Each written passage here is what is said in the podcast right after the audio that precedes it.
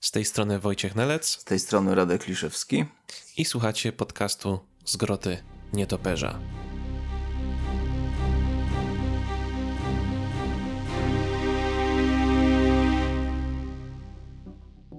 Witajcie drogie osoby słuchające w kolejnym odcinku z Groty e, Nietoperza, podcaście poświęconemu postaci e, Batmana i jego e, okolicach.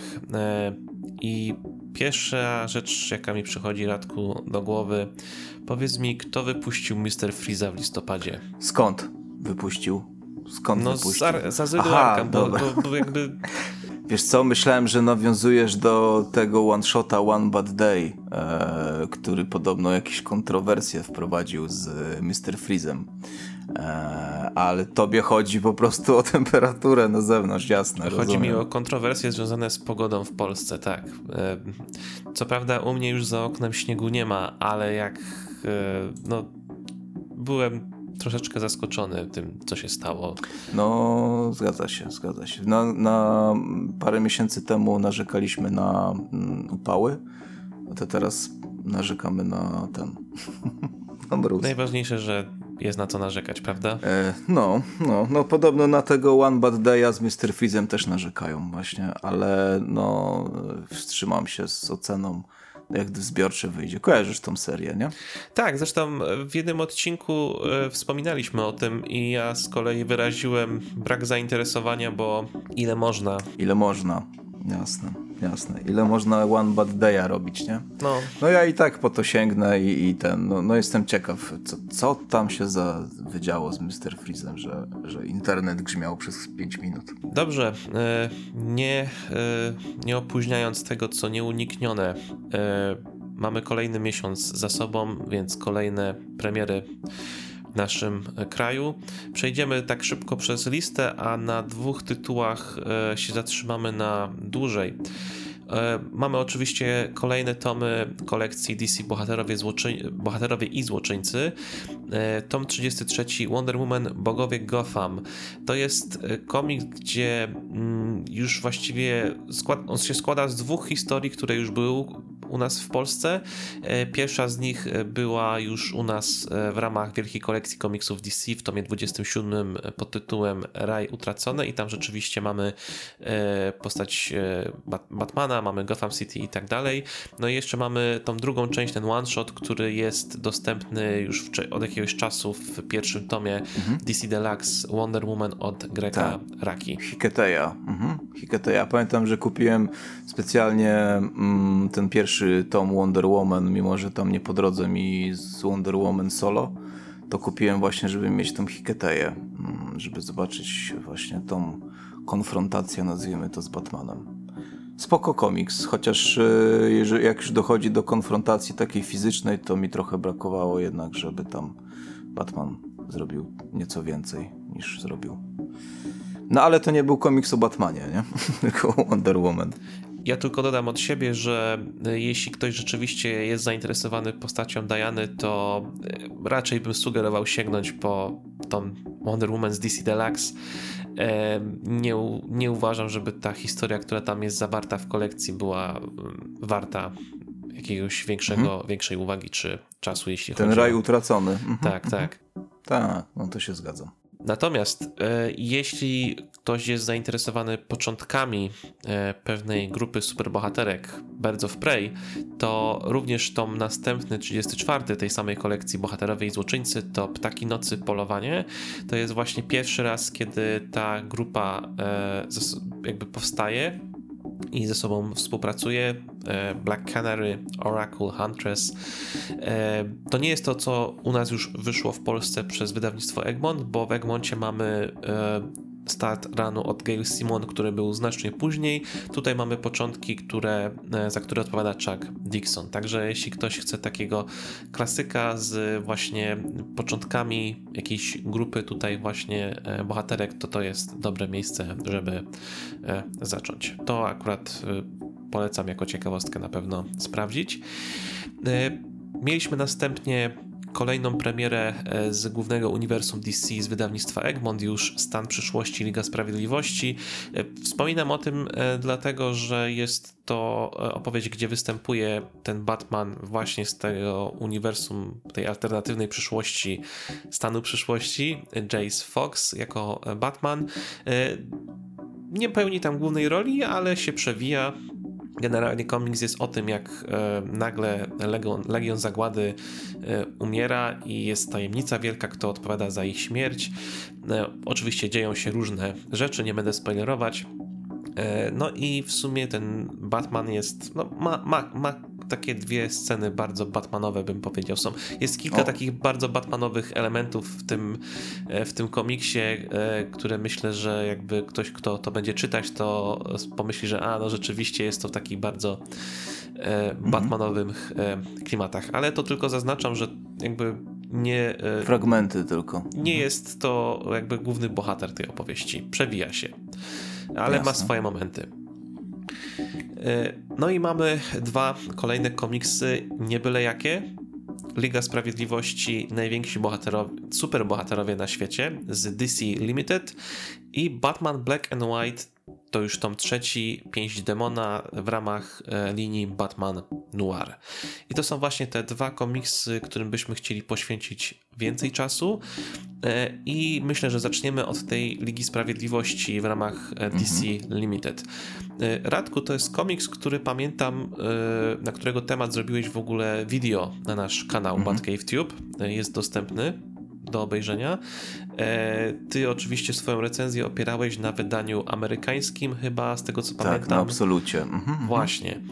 E, Absolut to są te takie wydania duże, prawda? Tak, duże, ale nie tak duże jak wspomniany Noir tak. wcześniej.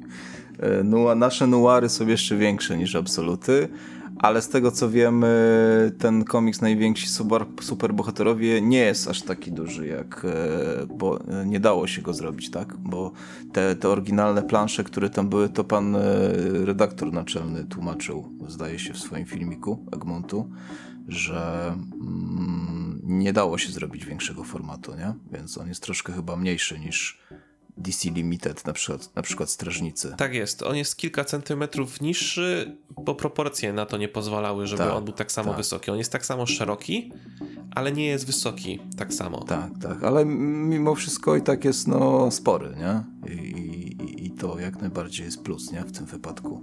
Tak jest. Jest to ogromny komiks e, i cóż, z pewnością jeden z tych, który zasługuje na tak e, tak duże wydanie. E, dla tych, którzy nie wiedzą o czym jest ten komiks i dlaczego ma taki status e, pożądanego, jest to album, który został napisany przez Paula Diniego, scenarzystę znanego przede wszystkim z pracy nad animacjami i animacjami z Batmanem, mm. bo to jest jeden z głównych scenarzystów Batman The Animated Series i w sumie później bardzo wielu, wielu, wielu innych kreskówek z DC. Później też pisał oczywiście komiksy osadzone w tym świecie jego fantastyczny run w Detective Comics chociażby, no ale wcześniej napisał właśnie e, te komiksy, które wchodzą w skład tego wielkiego albumu, ponieważ to jest zbiór one-shotów, które mhm. już same w sobie były wydawane w takich dużych formatach. Tak jest. W miękkiej oprawie, z tego co pamiętam. Mhm, e, mhm. mam, e, pamiętam, mam u siebie w kolekcji Shazama w tej wersji, w jakiej on wyszedł. Mhm. To jest na, naprawdę duży album, który pamiętam, jak układałem sobie komiksy na półce, to bardzo niewymiarowy komiks do ułożenia. Bardzo, tak, taki kwadratowy. Oni to zdaje się nazywali tabloid size, jeśli się nie mylę. Chyba tak. E, no. no to specjalny format taki wymyślony czy nie wymyślony, ale no jakby stworzony dla Alexa Rossa. Nie? I właśnie, drugi element tego komiksu to Alex Ross. Alex Ross to artysta znany przede wszystkim ze swojego fotorealistycznego podejścia do rysunków. E, ja sam pamiętam, jak pierwszy raz natknąłem się na jego ilustracje w internecie, to myślałem, że oglądam zdjęcia. Ja chyba pamiętam, że Alex Ross, chyba tak, jedną z pierwszych rzeczy od niego, jaką widziałem, to był e, plakat do Batman Beyond mm. Return of the Joker, mm. tej filmu animowanego. Mm -hmm. I na początku myślałem, że to są ludzie, w sensie aktorzy ubrani w kostiumy i tak no. dalej. E, a się okazało, że to jest malunek. I... Tak, tak, no, no można się pomylić przy, akurat przy tym artyście. No. I e, właściwie całość to jego inicjatywa i to była seria one-shotów poświęconych poszczególnym postaciom, bo mamy Batmana, mamy Supermana, mamy Wonder Woman, mamy e, Kapitana Marvela, tak właściwie mówiąc, e, bo tutaj się tak do niego zwracano, bo tak jeszcze się wtedy nazywał. E, no i mamy e, jeszcze crossover, jeśli można tak to nazwać, z amerykańską Ligą mhm. Sprawiedliwości. Już jako współpraca tak, tak, wszystkich tak. postaci.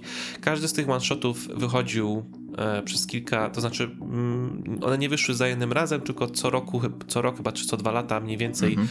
Chyba co roku, no. E, wychodziły te kolejne części. I jest to monumentalny komiks o takim chyba trochę monumentalnym charakterze, mi się wydaje, tak mhm. można to określić. Tak, tak, tak. No te tematy, tematy nie są, jakby są nietuzinkowe moim zdaniem.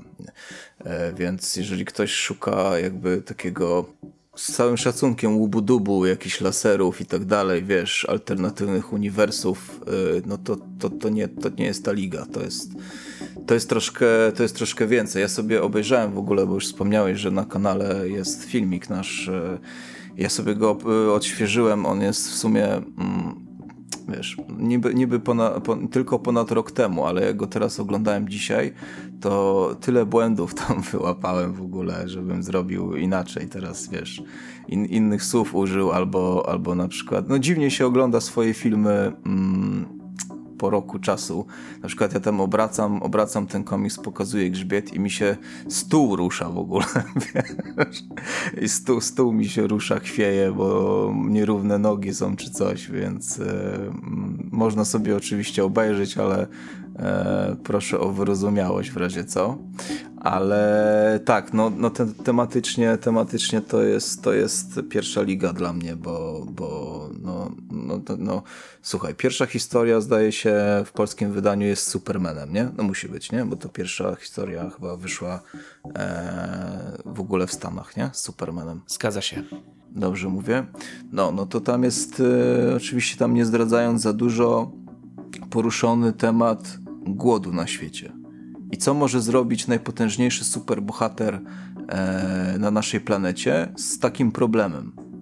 Z głodem na świecie, z tym, że ludzie głodują, z tym, że e, wiesz, nie mają co jeść, e, biedne kraje jakieś tam trzeciego świata zapomniane przez wszystkich.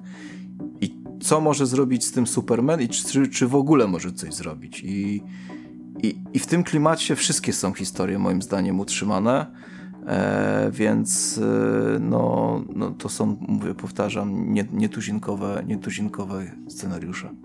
Myślę, że bardzo łatwo można po prostu powiedzieć, że każda z tych opowieści jest o problemach prawdziwych.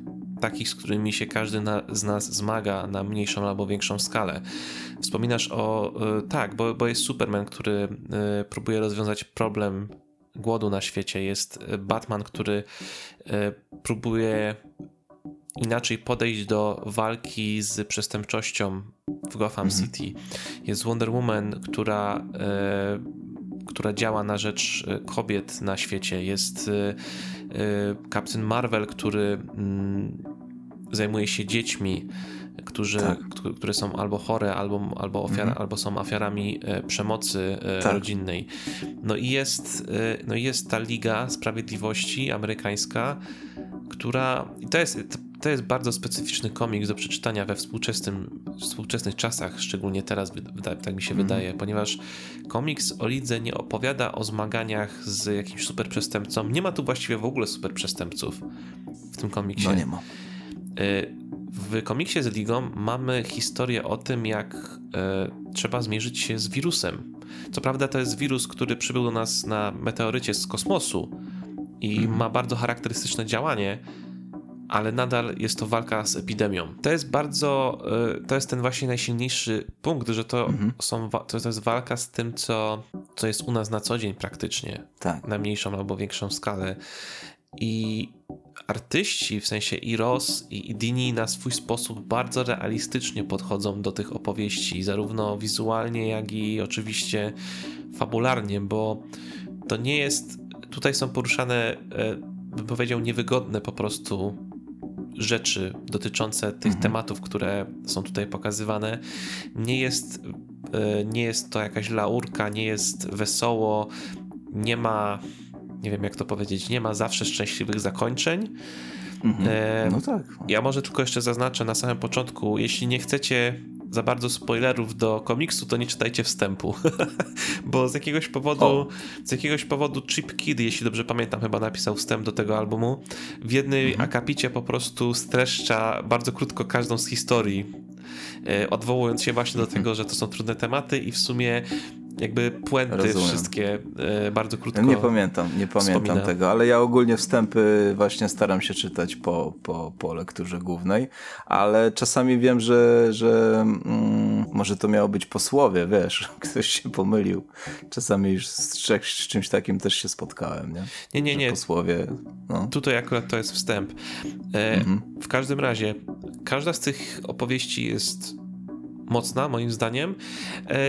E, szczerze mówiąc, jakby każda z nich jest dobra, ale jakoś tak najmniej mi się podobała ta z Batmanem, e, jeśli mogę tak o. to określić. W sensie wydaje mi się, że każda z, każda z, z tych innych jest mocniejsza, jeśli mogę tak kolokwialnie to mm -hmm. ująć, bo mimo wszystko jakby ta opowieść o Batmanie jest, no teoretycznie możesz analogię wziąć sytuację Gotham City do jakiegokolwiek innego miasta które jest opanowane przez korupcję e, przestępców i tak dalej, e, ale jakoś e, bardziej mnie zastanawiało, bardziej mnie interesowały te tematy z tych innych komiksów, mm-hmm. bo to jednak też są właśnie no, jakby to, że masz super, masz te wszystkie takie boskie postaci, to się wtedy jakby mhm. ludzie często tak yy, sarkastycznie pytają, no to skoro oni są tacy dobrzy, no to czemu właśnie nie pozbędą się problemu, nie wiem, głodu na świecie? Przecież to jest takie proste, tak. jak masz supermoce.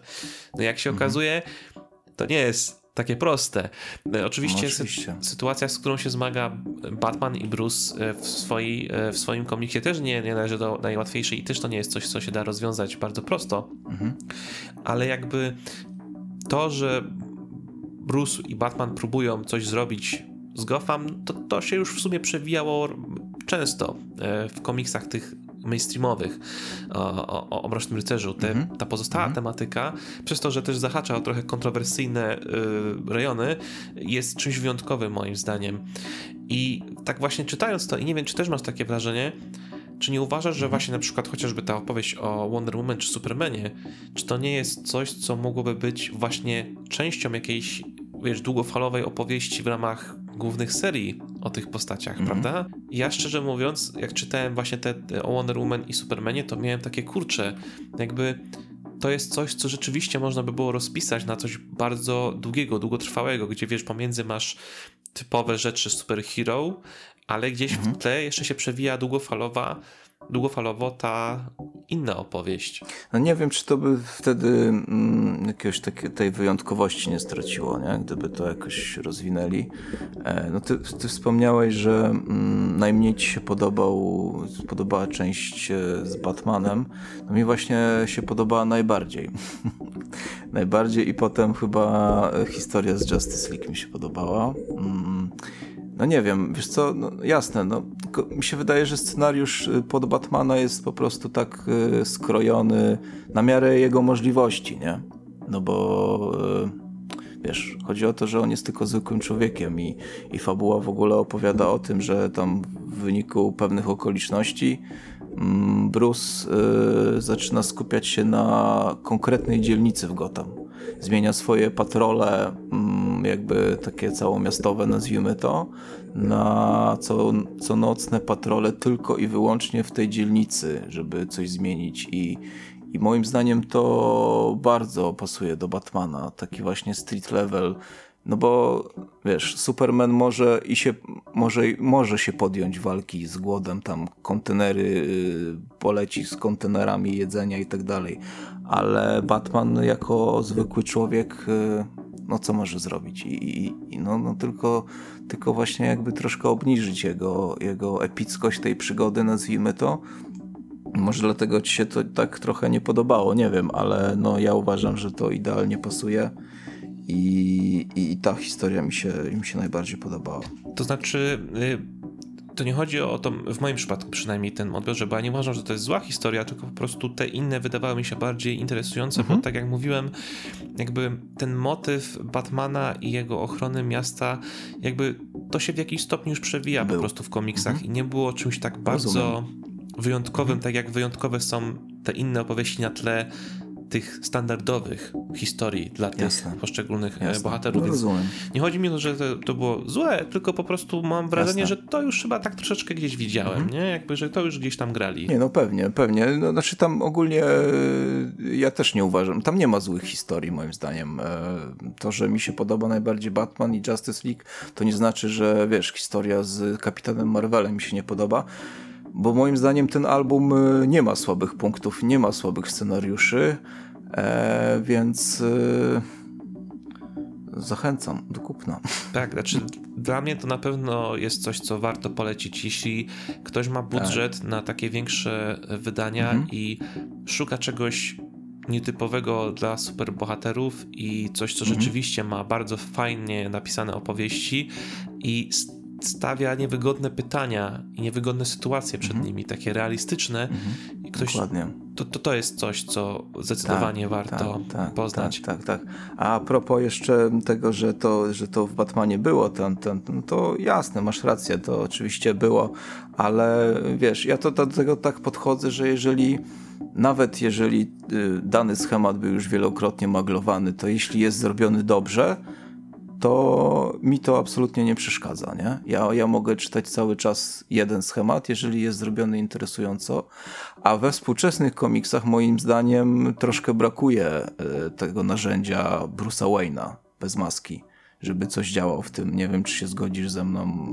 czy nie, ale e, no, no nie ma chyba aż tak dużo współcześnie historii, w których Bruce aż taką rolę, Bruce y, jako Bruce bez maski, jako biznesmen działający w świetle dnia, mm, żeby, żeby odgrywał aż tak znaczącą rolę, nie? I żeby aż tak wpływał, wpływał na Gotham City. No, wiesz, trzeba sobie zadać pytanie, niestety, co e, bardziej ludzie kupią. Czy ludzie kupują Batmana dla Batmana, czy dla Bruce'a Wayne'a, który rozwiązuje jako Bruce Wayne problemy e, miejskie. Jasne, nie? Więc... jasne. No ale to, to, to, nie jest tak, że też tam nie występuje, nie? Nie topesz oczywiście, nie? Bo tak, jest, tak. No moim zdaniem jest to zrównoważone, zrównoważone dobrze i, i, i, a, i, a jednocześnie jest większa rola Wayne'a niż, niż, niż ja, ja przynajmniej obserwuję w, w najnowszych komiksach, najnowszych historiach. E, w ogóle nie wiem, czy pamiętasz i czy zwróciłeś na to uwagę, ale wydaje mi się, że to jest takie bardzo to się bardzo wyróżnia to, kiedy właśnie i w tym komiksie Wonder Woman i Supermanie, kiedy te postaci podróżują po różnych krajach, miejscach na świecie, to tam bardzo często nie pada wprost o jakim kraju mhm. E, jest mowa, ale bardzo szybko da się rozpoznać, Ta, o jakich miejscach jasne, jest jasne, mowa. Oczywiście, że tak. E, więc e, bardzo specyficznie się ten komiks naprawdę czytało w kontekście chyba wszystkich możliwych naszych współczesnych problemów e, i, i sytuacji. Mhm. I sytuacji wojnie w Ukrainie, i sytuacji e, pandemicznej. Jakby te komiksy naprawdę, jakby to, to, to tylko pokazuje moim zdaniem, jak bardzo te komiksy są prawdziwe, w sensie jak bardzo Diniemu Rossowi się udało rzeczywiście tą hmm, niewygodną codzienność uchwycić, tak. tak. Mhm. Zdecydowanie, zdecydowanie. No. no nie jest to taki też, wiesz, pod, pod, względem technicznym, rysunkowym, nie jest to też taki typowy, wiesz, kadr za kadrem, wiesz, jakieś tam e, dziewięć paneli, czy coś takiego, wiesz, takie u, u, u, wiesz, schematy uchwycone już wcześniej, tylko no tam jest, wiesz, co chwilę dostajesz ten jakiś splash page, nie? Albo podwójny splash page, albo jakieś kadry tam Wiesz, oprócz tej historii y, z Justice League tam zdaje się nie ma nie ma, nie ma, nie ma dymków dialogowych. Zgadza się. W ogóle, nie? Zgadza Tylko się. są, są tak, że liternictwo jest po prostu gdzieś tam, nie ma, nie ma tych ramek narracyjnych, tylko jest tam gdzieś tam, wiesz, na, na tle nieba y, y, monolog wewnętrzny Supermana albo Wonder Woman i, i to wszystko tak jakby jest idealnie stworzone pod, pod te scenariusze i pod oprawę graficzną, nie? Ja właśnie chciałem ci zadać takie podchwytliwe pytanie, e, odnośnie tych wszystkich komiksów poza tym o Lidze Sprawiedliwości, że Radku, jak to można nazywać komiksem, skoro tam w ogóle nie ma dymków, ramek i są tylko jakieś podpisy? Czy to w sumie nie no. można nazwać, czy to nie powinno się nazywać bardziej picture bookiem, a nie komiksem? No, no właśnie, nie? No właśnie. To, jest, to już taka granica jest y, zatarta jakby, ale, ale słuchaj, no ja mogę czytać picture booka, mogę komiks, jeśli ma y, poziom dobry taki, mogę czytać komiks, mogę wszystko czytać z takim poziomem, a jak to tam ktoś nazwie, to, to już wiesz mniejsza z tym. Nie? I myślę, że jeszcze e, dodam, warto dodać, że mamy e, dodatki w tym albumie. Mhm. Mamy dużo szkiców od Alexa Rossa, notatek dotyczących każdej z tych części e, pod kątem wzorowania się, inspiracji i tak dalej. Mm, jest też trochę zdjęć, bo to też trzeba zaznaczyć, bo jakby ten fotorealizm też z czegoś wynika u Alexa, u Alexa Rossa, bo on ma dużo modeli, modelek, którym robi tak. zdjęcia i na ich bazie później maluje swoje mhm. rzeczy. I zarówno to mówimy o design postaci, jak i też same pozy na, e, na poszczególnych kadrach. Mhm. I mamy zdjęcia, nie, nie wszystkie, ale mamy zdjęcia właśnie e, tych osób, które się przebierały w stroje, które zostały zlecone e, przez Rossa mhm. konkretnej osobie, żeby były uszyte i zrobione. I to jest mega fajny wgląd jakby w ten etap tworzenia. Mhm. Jedyne co żałuję, to ja bym z chęcią zobaczył w ogóle cały segment dodatków, gdzie byłyby wszystkie te zdjęcia które mhm. e, Roz zrobił, bo tam są tylko wybrane postaci, wybrane kadry, abym tak co najmniej chciał zobaczyć po jednej fotce każdej z postaci w tym stroju, żeby zobaczyć, jak to, jak to wyglądało, bo to jest mega, mega interesujące. Tak. I no, mamy proces tworzenia w ogóle maski też Batmana sfotografowany na przykład. To jest jakby mhm. mnóstwo fajnych ciekawostek, tak by od strony tak. technicznej tak, tutaj. Tak, tak. No to jest takie charakterystyczne te dodatki, gdzie Alex Ross jest artystą. Tam zdaje się troszkę tego było też w Kingdom Come. On też tam e, podawał e, zdjęcia aktorów, e, których się wcielał w rolę Supermana, chyba w rolę Magoga też ten, ten, sam, ten sam kolega, czy tam, no nazwijmy to aktor, tak? Mhm. E, model, model. Także to, to, to też jest dla mnie mega ciekawe. Właśnie ja cię chciałem spytać o dodatki, bo pamiętam, że w absolucie na tym filmie na naszym mówię, że jest 27 stron dodatków w absolucie. Yy, może być tyle też w polskim wydaniu? Na pewno nie, nie masz tego przeliczone co do strony, ale chyba, chyba jest ok, co? Tak, myślę, że będzie tego dokładnie tyle no. samo, bo mamy no. e, dużo tych zdjęć, mamy e, szkice, mhm. komentarze do tego wszystkiego. Ma, jest też strona z podziękowaniami, gdzie Alex Rose wypisuje mhm. wszystkie osoby, które pozowały ale wydaje mi się, że tego będzie właśnie dobrych dwadzieścia kilka stron, tak jak mówisz. No, no to okej, okay, nie? No to, to już jest takie naprawdę, no lepszego wydania tego komiksu yy, już raczej nie można mieć. Plus, nie wiem, czy w tym absolucie też tak było, ale w polskiej edycji jeszcze jest w środku dodawany plakat. E, ale ten plakat jakby jest taki wyjmowalny?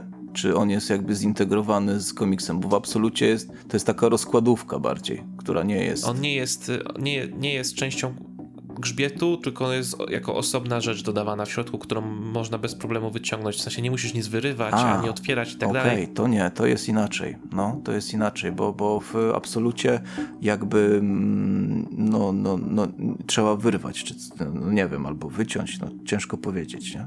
Mi się wydawało, ja bardziej to traktowałem jako taką, wiesz, e, tak jak miałeś Walstar, Batman i Robin, tą rozkładówkę A, z Bat Jaskinią, nie? Coś takiego. To ja bardziej na, na, na tej zasadzie mm, to traktowałem, ale no to nawet jeszcze lepiej niż w absolucie, kurczę. To można sobie powiesić gdzieś, nie? Albo no nie wiem, co z tym zrobić, nie? Zdecydowanie. Powiesić na, powiesić na matce, jak usłyszałem w jednym filmiku. Aha, no tak, na, mac, na matce ze słomy. tak, tak to Tomasz Kołodziejczak określił. e tak, e, także. Wart swojej ceny, nie? Zdecydowanie. Chyba. Jakby to jest must have. Moim zdaniem to jest must have dla, e, mhm. na pewno dla osób, które się interesują DC. E, fenomenalny komiks, e, fenomenalne scenariusze, fotorealistyczne ilustracje. Jakby wiadomo, nie wszyscy przepadają za fotorealizmem, ale w takiej dawce to moim zdaniem jest pasuje, bardzo pasuje do, tej, do tych po prostu powie, powieści, które są w środku. Dobrze, to została nam jeszcze druga nowość wielka, bo Batman Noir, największe wydawane komiksy z Batmanem w Polsce. Trzeci tom Black and White z podtytułem Pięść Demona i to jest e, najświeższa inkarnacja tej inicjatywy Black and White. Dla osób, mm -hmm. które nie kojarzą, e, Batman Black and White to seria, która e, chyba na koniec lat 90. się rozpoczęła, jeśli dobrze pamiętam, czy nie, na koniec, w połowie lat 90., mm -hmm. bo przecież w Polsce jeszcze TM Semik pierwsze e, wydawał. Tak. To jest antologia, gdzie jest zapraszanych mnóstwo osób, które rysują, piszą piszą o Batmanie po swojemu, mhm. nie muszą być osadzone w żadnym kanonie i tak. charakteryzuje je to, że wszystkie są w czerni i bieli. Był chyba tylko jeden wyjątek z tego co pamiętam, e, gdzie była chyba czerwień, jeśli tak jakoś tak mhm. kojarzę. E, w każdym razie jest to właśnie zbiór opowieści e, luźnych, gdzie każdy mógł swoją interpretację postaci Batmana przedstawić e, i bardzo często też tam się znajdowały osoby, które na co dzień po prostu z Batmanem styczności nie miały, więc mogliśmy zobaczyć naprawdę bardzo różne interpretacje.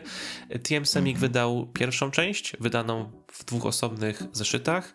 E, potem Egmont to kontynuował, wydając e, drugą część też podzieloną na dwa tomy, tak. aczkolwiek nie pamiętam, czy oni pierwszą część też wydali. Teraz mi to wypadło z głowy. Chyba nie. Mm, chyba nie, chyba nie. No i w końcu doczekaliśmy się tego, że e, wznowiono wszystko, tylko że właśnie w ramach tej kolekcji Batman Noir, czyli tej, gdzie komiksy są tylko w czerni i bieli, więc no jakby idealnie się nadawał ten komiks Black and White do tego. I dwa poprzednie tomy zbierają wszystkie te poprzednie edycje, łącznie z trzecią, która e, e, też nie miała u nas premiery. I ten Black and White y, jest tym najświeższym, który wychodził, mhm. zdaje się, chyba w latach 2020-2021, jeśli pamięć mnie nie tak, myli. 20, mhm, na pewno. No. E, także sześć zeszytów, e, w każdym zeszycie po kilka historii plus jeszcze ilustracje. Tak, w sumie zdaje się 30 krótszych historii nie? z Batmanem. Różnych twórców, różnych autorów. Tak jest. Spis treści jest no imponujący, mówiąc tak. dokładniej. E, no i cóż, e, my chyba nieraz o tym wspominaliśmy, Radku, że antologie to są takie specyficzne bestie, prawda? Jeśli chodzi o odbiór. Że zawsze jest tak, że będą lepsze i gorsze historie, i ostatecznie nie da się chyba tak jednoznacznie za każdym razem idealnie ocenić tak skrajnie, nie? że coś mhm. albo jest złe, albo jest idealne zawsze jest gdzieś tak po środku. No tak, tak, tak. No, e, no ja niestety, no to się zgadzam. No jest nierówny, no słuchaj, przy, przy, no, masz 30 opowieści, no to wiesz, no siłą rzeczy nie, nie każda musi ci przypaść do gustu, nie? Ale mm, no ja jestem w tej sytuacji takiej, że ja jeszcze niestety nie zdążyłem przeczytać tego Noira do końca. Wiem, że ty zdążyłeś, bo pracowałeś przy tym komiksie, byłeś konsultantem merytorycznym i dostałeś dostałeś wcześniej ten album, nie? więc miałeś okazję e, przeczytać go w całości. Ja niestety no, na tą chwilę, jak rozmawiamy, mm, tak jedną trzecią dopiero mam ogarniętą, no bo ja jak zwykły śmiertelnik musiałem czekać na, na, na sklepy. E, I co, no ja jestem pod ogromnym wrażeniem, jak na razie, bo w ogóle Black and White, ja, ja uwielbiam antologię i Black and White to jest dla mnie chyba nawet na pewno najlepsza z możliwych antologii. Zawsze coś znajduje świetnego w tym i, i plus do tego nie spieszę się z czytaniem, bo jeżeli coś mi się bardzo podoba, to jakby sobie dawkuję, to wiesz, nie, nie czytam od deski do deski za jednym posiedzeniem ani, ani nic. E, więc e, ja na razie jestem bardzo zadowolony z tego, co, co dostałem i cieszę się, że się wstrzymałem z kupnem amerykańskiego wydania, które już jakiś czas temu wyszło i miałem wielokrotnie już e, klikać na zakup, ale wiedziałem, że Egmont wyda to w tej serii Noir i że, że będzie warto ten komiks w takim właśnie formacie kupić, więc ja, ja jestem pod ogromnym wrażeniem. Dla mnie to jest świetny album e, pod względem technicznym i w ogóle te rysunki to dla mnie naprawdę zapierają dech w piersiach.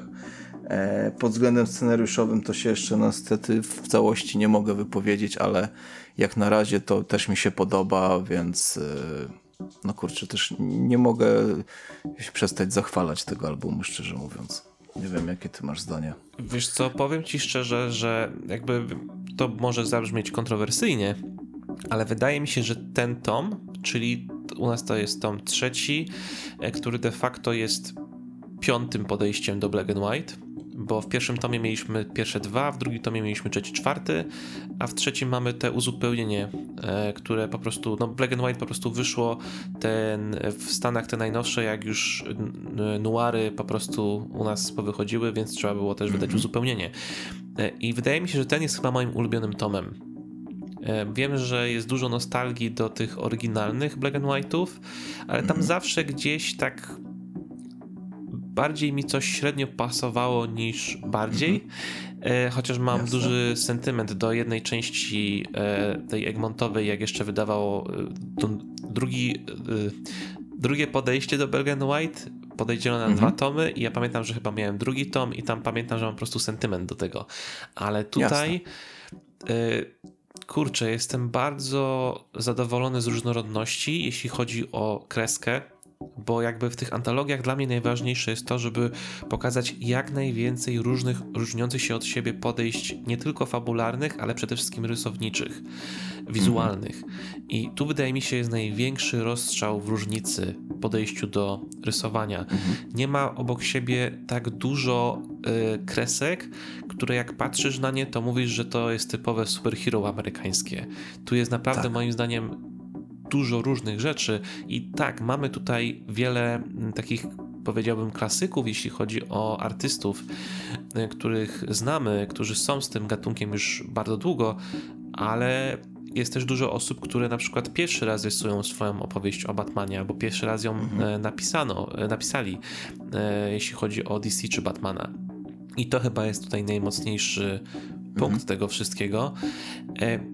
Troszeczkę ponarzekam na jedną rzecz, bo to jest trochę takie mocne czepialstwo, ale jakby rozumiem, że po prostu nie da się tak za każdym razem, mhm. bo to, co mi się podoba w tego typu antologiach, na przykład Black and White, albo jeszcze też Marvel ma swoje czerń, biel i krew, czyli mamy trzy mhm. kolory. Zresztą DC też potem chyba e, potem jeszcze robiło z e, Supermanem i Wonder Woman, ale kiedy mamy ograniczenie do konkretnych kolorów, to bardzo, bardzo mocno jakby zawsze trzymam kciuki i czekam na to, żeby te opowieści e, były też konstruowane w taki sposób, żeby wykorzystać ten fakt, że mhm. mamy ograniczoną e, paletę barw, prawda? Żeby jakoś mhm. zintegrować ten fakt do historii na zasadzie, żeby ten komiks rzeczywiście miał swoje uzasadnienie, że powstał do tej antologii, a nie, że mógłby równie dobrze być gdzieś indziej w kolorze Wiesz o co mi chodzi, nie? No, no ciekawe. No w sumie nie zastanawiałem się aż tak nad tym. E, bardziej właśnie trochę podchodzę do tego, że e, czasami mam wrażenie, że mm, e, rysownik jakby on oczywiście musiał wiedzieć, że to jest do antologii Black and White, ale czasami mam wrażenie, że on, on nie wiedział i, i, i bez kolorów ciężko mi czasami się połapać w niektórych kadrach, szczerze mówiąc. Są tutaj takie historie y, po prostu z taką kreską, że mm, bez kolorów możesz nie wyłapać, y, nie wyłapać niektórych rzeczy. Na przykład ta pierwsza historia, e, nie, przepraszam, to jest, zdaje się druga z tym J.H. Williamsa, trzeciego, gdzie tytuł całej opowieści, czyli ciężar, masz jakby na pierwszej stronie y, zrobiony jakby, że to są światła na budynkach. Rozumiesz, co mi chodzi? Tak, tak, tak. E, tak w stylu, w stylu, wiesz, starego Spirita, nie? I, i Eisnera. E, I na przykład ja na pierwszy raz jak zobaczyłem tą stronę, to, to, to nie zauważyłem tego.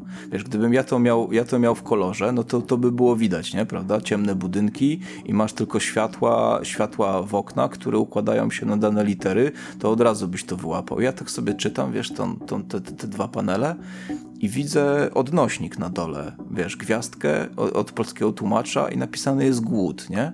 E, przepraszam, ciężar, ciężar. E, gwiazdka, ciężar. Mówię, jaki ciężar, o co chodzi, nie? No ale widzę gwiazdkę, no to gdzieś tutaj musi być, e, wiesz, I dopiero zauważyłem, że, że, że, że J.H. Williams jakby zrobił, zrobił tytuł komiksu, wpisał swój, swój rysunek, nie? Więc nie wiem, czy dokładnie o to ci chodziło, mówiąc mówiąc, że, że, że, żeby te komiksy były stworzone pod, pod ten format, ale ja, ja akurat mam z tym czasami problem, nie? Z, z takim włapaniem tego. Muszę się więcej przyglądać i, i, i, i obserwować, żeby, żeby takie rzeczy wyłapywać, nie? Może mój, mój daltonizm częściowy też może mieć wpływ na to. E, ja też szczerze mówiąc na początku e, nie zarejestrowałem tego od razu, ale no jest to tam jak najbardziej. Natomiast e, przykład tego typu, o którym ja mówiłem, którym jest fajnie wykorzystane to, że to jest komiks czerni i bieli i jakby to jest wpisane trochę w narrację komiksu, to jest komiks od Sophie Campbell pod tytułem Wszystkie koty są szare.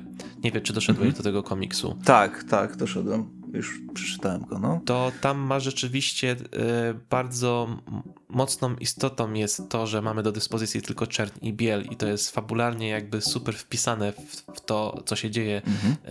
y, w tej historii, bo to jest historia taka prościutka o spotkaniu Batmana i Catwoman. Tak, tam nie ma, nie ma w ogóle dialogów, w ogóle nic, nie? Tak, i po prostu jest tam taki moment, gdzie Catwoman wpada na pomysł, jak się tutaj lepiej maskować przed Batmanem mm -hmm, w tak, okolicznościach, które tak. tutaj ma i to jest właśnie super wykorzystanie tego, że ktoś, okej, okay, mam czerń i tak. biel, to teraz jak mogę to zaimplementować e, w opowieści. I chciałbyś więcej takich rzeczy po prostu mieć. Tak, e... tak. No to znaczy, mm -hmm, wiesz, nie uważam, że przez to te wszystkie inne komiksy są gorsze, jakby absolutnie nie, ale wiesz, jak, jak możemy się bawić formą, prawda? I, I coś z tym zrobić więcej, no to zabawmy się tym, nie? E, no ale wiadomo, Jasne. nie ma też co robić na siłę. Y, jest też w sumie, jakby wiesz, bo można to różnie jakby też podejść do tego, że jest czerń i biel, bo na przykład nie wiem, czy doszedłeś do komiksu, który stworzył Dawid Aha. Nie, jeszcze nie, właśnie, właśnie jeszcze nie. To jest ten, co, co bokiem jest? Tak, właśnie e, wygląda jakby to były paski komiksowe w gazecie. Bo masz tam. Nie, nie, właśnie się zatrzymałem na, na, na nim, zatrzymałem się, jeszcze mam e, do przeczytania. No. I to jest właśnie też super właśnie wykorzystane, że to jest takie bardzo mhm. retro, nie? że masz po prostu paski gazetowe e, mhm. w czarno-białej i to pasuje też do tego. Jest też bardzo klimatyczne, bo to jest zrobione właśnie w takim starym bardzo stylu e, wszystko, mhm. jeśli chodzi o narrację, o, czy może nie narrację, ale po prostu o klimat opowieści, może w ten sposób to powiem. To jest w ogóle pierwszy komiks, który Aha zrobił w ogóle o, o Batmanie ja go znam z Hawkeye'a, z Marvel Now, tak. fantastycznego komiksu i jakby zobaczyć w jego kresce Batmana to było po prostu niesamowicie e, mhm. niesamowicie dobre e, doświadczenie i no, muszę powiedzieć szczerze, że naprawdę tu jest mnóstwo historii, które mi się bardzo podobały. Są, jest kilka średniaków, ale nie wydaje mi się, żebym znalazł tutaj coś, co mhm. naprawdę mi się nie, jakoś mocno nie podobało. E, w tych poprzednich tomach zawsze znajdowałem takie komiksy, które w ogóle nic we tak. mnie nie wywoływały. A tutaj mhm. mam wrażenie, że no ja jestem naprawdę pod, pod dużym wrażeniem. I tak. są też takie, to też do, dojdziesz do tego komiksu, jest na przykład komiks y, Zagadka od Kierona Gillena mhm. i Jamea McKelviego. To jest mhm. w ogóle bardzo interesujący komiks, bo to jest komiks paragrafowy. Czy ty wiesz, wie, kojarzysz o co chodzi z komiksem paragrafowym? Czyli jakby czytasz go nie po kolei, tylko przychodzisz w zależności od e, jakby wyboru, tak? O zgadza się, zgadza się jak najbardziej. Mhm. I w ogóle taka ciekawostka, bo jak krążyłem po internecie szukając coś o tym komiksie, to mm, natknąłem się na kilka recenzji po prostu w, na stronach zagranicznych i to jest ciekawe. Mm, prawie w prawie każdej recenzji, którą czytałem, ci ludzie nie wiedzieli właśnie, że istnieje coś takiego jak komiks paragrafowy. E, mhm. jakby za każdym razem osoba recenzująca pisała, że pierwszy raz widzę coś takiego. E, mhm. Co mnie trochę szczerze mówiąc dziwi, bo wydawało mi się, że to jest dosyć popularna formuła zabawy ogólnie, jeśli chodzi o narrację. No jasne, gry były przecież fabularne, nie? Takie mm, paragrafówki, nie? Przecież. Tak, tak, więc wiesz... Już nie, dawno. Mm. Nie wiem, czy po prostu w Stanach to nie jest jakoś mocno popularne, ale znowu, jakby to mhm. nie jest pierwszy raz, kiedy w jakimś mainstreamie komiksowym coś takiego się przewija, bo pamiętam, że y, tak wiem, taki przykład troszeczkę z bardzo daleka, ale e, seria mhm. komiksowa Adventure Time na podstawie kreskówki o tym samym tytule, którą wydawało Boom Studios, Ryan North ją pisał i Ryan North mhm. też napisał tam jeden zeszyt, który był w pełni właśnie paragrafówką e, i, i też byłem tym zachwycony, jak to wyszło i no, paragrafówki naprawdę mogą być proste do bardzo skomplikowanych, zresztą mamy jedno wydawnictwo w Polsce, które tak. się specjalizuje w ogóle w wydawaniu tylko i w, jakby wydawaniu tego typu rzeczy u nas e, specyficznie. Na przykład z Sherlockiem Holmesem, gdzie to są naprawdę grube książki i bez notatnika po prostu nie dasz rady Jasne. E, czytać. W tej antologii e, Czerni, Biel i Krew z Marvela to z Mucha Comics to wydaje u nas, to mhm. Tom z Carnage'em, to tam też w pewnym sensie była paragrafówka. Tylko tam z kolei trzeba było mm, rzucać jeszcze kośćmi, żeby wynik sobie tam e, właśnie mm. losowo bardziej to było, nie? E, miało mhm. ci wychodzić, co, co robisz, ale też te, tam te, jakby to było bardzo specyficznie zbudowane też, jakby wy, ktoś wyciągnął z tego więcej e, niż w tym jest tak pierwotnie i w tym komiksie tutaj to też nie jest typowo paragrafówka, ale nie chcę spoilerować, bo to mhm. trzeba jednak doświadczyć na własnej skórze i e, kiedy się człowiek przekona o co w tym chodzi, to to jest po prostu wow. Mhm. E, jakby mhm. krok dalej. No rozumiem. No next level. Tak. E, słuchaj, no ja właśnie kocham antologię i kocham Black and White Batmany właśnie za takie nietypowe pomysły, które no raczej mała szansa jest, żeby w takich mainstreamowych komiksach, wiesz, powiązanych z głównym kontinuum, e, osadzonych w realiach jakiś, kto żyje, kto nie żyje, żeby coś takiego, żeby coś takiego się ukazało. Raczej mała szansa. I właśnie to jest, to jest, ta, ta antologia to jest właśnie miejsce na wławianie takich, takich perełek. Jasno, to oczywiście czasami, czasami nie, nie wyjdzie, bo niektóre historie mm, wywołują u mnie takie. W, każdy, w każdym praktycznie tomie jest jedno co najmniej taka historia, która wywołała u mnie, ale o co tutaj chodzi w ogóle? I chciałem, chciałem Cię zapytać, właśnie, jak Ty rozumiesz tą historię pod tytułem Dualizm. To jest y, Dustina Weavera autorstwa. To jest o tym, gdzie Batman spotyka białego nietoperza na swojej drodze. Kojarzysz? E, chodzi ci o, tą, o ten komiks, gdzie pojawia się jakby ten e, imposter, impostor. Imposter biały, tak. Mhm, mhm. Powiem ci szczerze, że miałem właśnie niezłą rozkminę e, przy tym komiksie. No. Bo jakby nie chcę, jakby tam jest specyficzne zakończenie, którego nie chcę zdradzać. E, no właśnie. I ale też no, no, no właśnie, ciężko, ciężko, coś, ciężko, ciężko coś, coś, powiedzieć o tym. No, no czy wiesz, no, no, no może jedną historię to może możemy chyba zaspoilerować, co, czy nie? No, znaczy ja bym wolał... Jedna, znaczy, jedna z 30. Wolałbym w sumie, wiesz, może powiem tak, wydaje mi się, że... Ha, ciężko. No, jakby ciężko, to można no, interpretować no. na różne sposoby. W ogóle nie wiem, czy zauważyłeś, ale w jednym kadrze, ja nie wiem, czy to jest błąd, czy celowe to jest. Czy Zauważyłem może... to, też się nad tym zastanawiałem, czemu to jest odwrotnie ten tak, znak, co? Tak, dokładnie no. o to mi chodziło, nie? Jakby, no. czy ktoś co się celowo pomylił, czy, czy może, wiesz co, bo, bo może też, nie wiem, e, może chodziło o to, że on do góry... Nie, no to jest be, bez sensu. No co, coś, nie, coś... A, a, jeżeli, no, a jeżeli to było z premedytacją, to co, co to oznacza?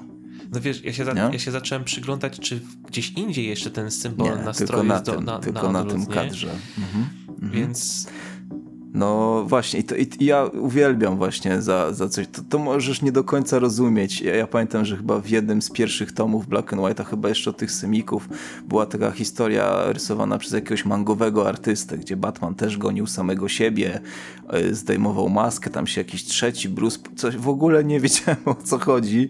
I teraz yy, doceniam takie historie bardziej w sumie. I na przykład ten biały nietoperz, jak ty to rozumiesz, że on na, na swoich jakby scenach zbrodni zostawia pieniądze mm. i zostawia banknoty i nie wiem, czy też zwróciłeś uwagę, jak e, oni tam się gonią tymi samolotami i ten biały nietoperz e, kontaktuje się z Brusem poprzez włożenie banknotu do jakby terminala w, w, w samolocie swoim.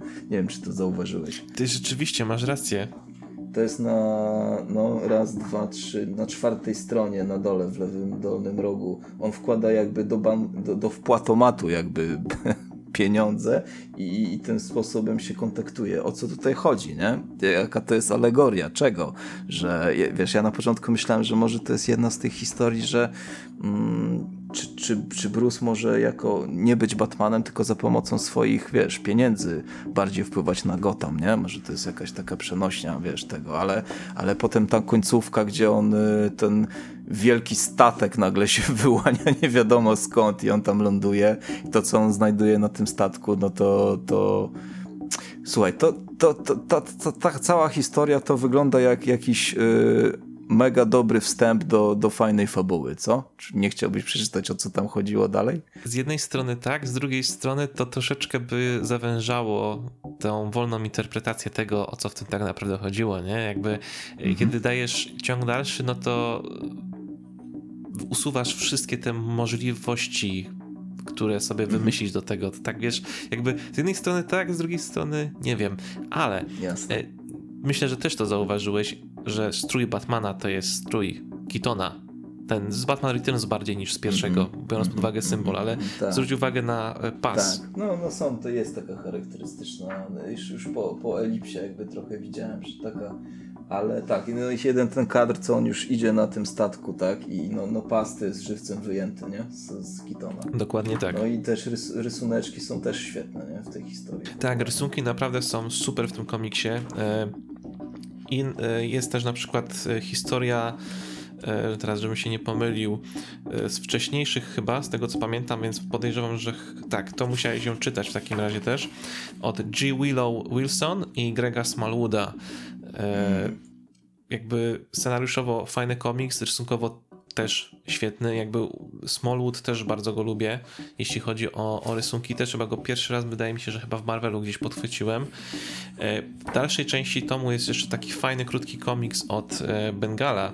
To jest coś, co cię dopiero będzie czekać. To jest Jestem nietoperzem, to jest z kolei świetnie zrobiony komiks pod kątem tego, jak kiedy oglądasz ostatni kadr, to dostajesz coś, co, czego się nie spodziewałeś i mhm. jakby to jeszcze bardziej też właśnie intryguje, jak w takiej króciutkiej opowiastce ktoś stworzył bardzo duży, potencjalnie fascynujący świat, o którym chcielibyśmy się dowiedzieć więcej i to dopiero wszystko no wychodzi na samym koniec, więc jakby mnóstwo fantastycznych opowieści, naprawdę. Nie ma tutaj tak. moim zdaniem zbyt wiele średniaków. Jest kilka takich komiksów, które nas złapią z zaskoczenia z różnych powodów, czy to dlatego, że to będzie gra mhm. paragrafowa, albo będzie miało dziwne zakończenie, tak jak to, o którym ty mówiłeś teraz. Także dla mnie to chyba jest jeden z moich ulubionych tomów, mhm. szczerze mówiąc. Na pewno taki, do którego będę wracać nie z powodu nostalgii, tylko dlatego, że tam rzeczywiście jest Jasne. kupa fajnych rzeczy. Mhm. Mhm. No, słuchaj, no ja, ja, no i po to są właśnie te antologie, żeby, żeby takie rzeczy, żeby takie rzeczy znajdować i, i, i się nimi cieszyć, więc ja, ja mówię, no nie przeczytałem jeszcze całości, ale, ale też z swojej strony mogę polecić. Komiks nie jest tani niestety, e, ale no świetnie się go ogląda i, i, i tak jak Wojtek mówisz, że, że scenariuszowo trzyma poziom od początku do końca, więc polecamy jak najbardziej. Nie? Ale to jest trochę straszne, bo polecamy kupić dwa bardzo drogie komiksy.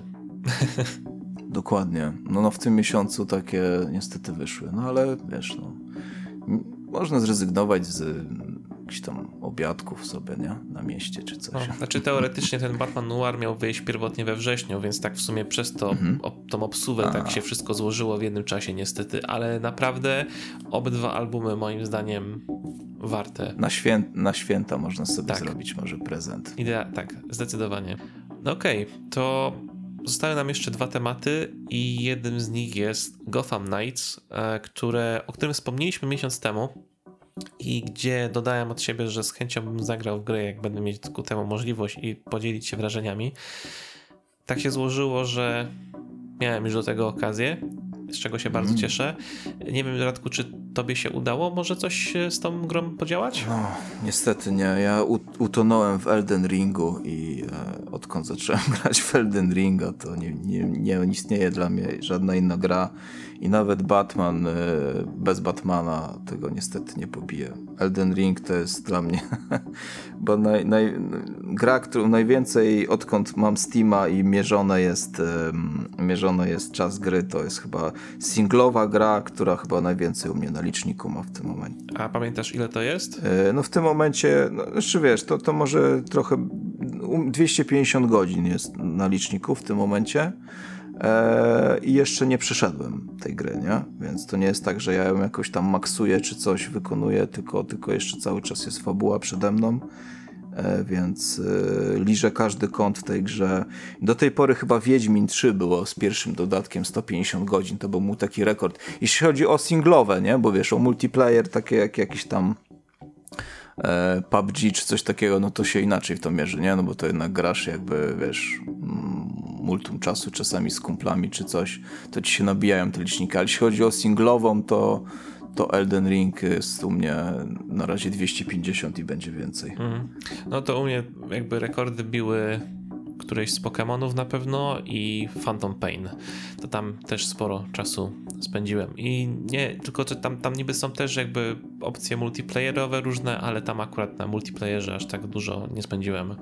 A to ile? Ile wtedy mniej więcej? Oj, nie pamiętam. E, Ale więcej niż 250 godzin? Nie, chyba, chyba więcej niż 250 nie, więc tutaj jakby oddaję jakby honor, korony, kłaniam się nisko. Nie, wiesz, ja nie, nie, wiem kiedy, nie, nie o to chodzi, nie, tylko ja nawet nie wiem kiedy to, słuchaj, zleciało, nie, wiesz.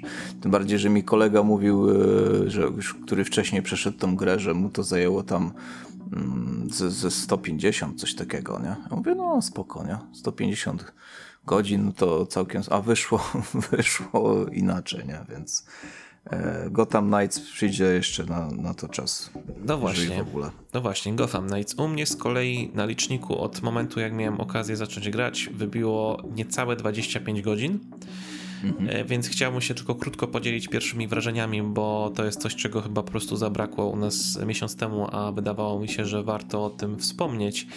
Mhm. I powiem ci tak, Radku. Mm, jakby ja już to przeczuwałem wcześniej, ale y, jakby teraz tylko bardziej mi się to potwierdza, że każda gra wychodząca, powiązana z Batmanem, która jest no, w głównej mierze jakiś tam y, ma, ma ten skupiająca się na trybie fabularnym, wychodząca po Arkham Knightie jest z góry chyba skazana na y, ogromną krytykę ogromną krytykę ze, z tego względu, że Rocksteady e, jakby, wiesz, pokazało bar, jakby Rocksteady poprzeczka, weszło... wy, poprzeczka za wysoko po prostu, nie? Podniesiona. Może nawet nie tyle, że za wysoko podniesiona, tylko że oni ustawili pewne standardy, do których e, osoby, które szukają gry z Batmanem taką typu akcji, mhm.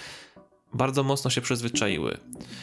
I jakby wiesz, wydaje mi się, że jakbyś spróbował zrobić grę tego typu akcji, gdzie nie masz otwartego świata albo nie masz pojazdu do jeżdżenia po ulicach, e, albo specyficznego sposobu trybu walki, to ludzie wiecznie będą cię porównywać do tego, że to było w grach mm. Arkham, tutaj tego nie ma, więc to jest kiepska gra, co jest moim zdaniem nieuczciwe, bo nie fair, no. jakby, wiesz, nie możesz wiecznie robić tego samego, a i tak masz, mam wrażenie, że w tym Gotham Knightie chyba jakby poczuli chyba trochę jakby tą presję, że okej, okay, mhm. jak nie zrobimy open worlda, to nas zjedzą, bo był taki open world już w Knightie i w Arkham City. Jak nie zrobimy większego miasta niż w Arkham Knightie, to nas zjedzą i powiedzą, że jesteśmy gorszą grą, bo mamy mniejszy Gotham niż było w poprzedniej grze i tak dalej. I no to jest był trudny orzech do zgryzienia i cóż mogę powiedzieć? Dla mnie, szczerze mówiąc, ta gra jest trochę za duża.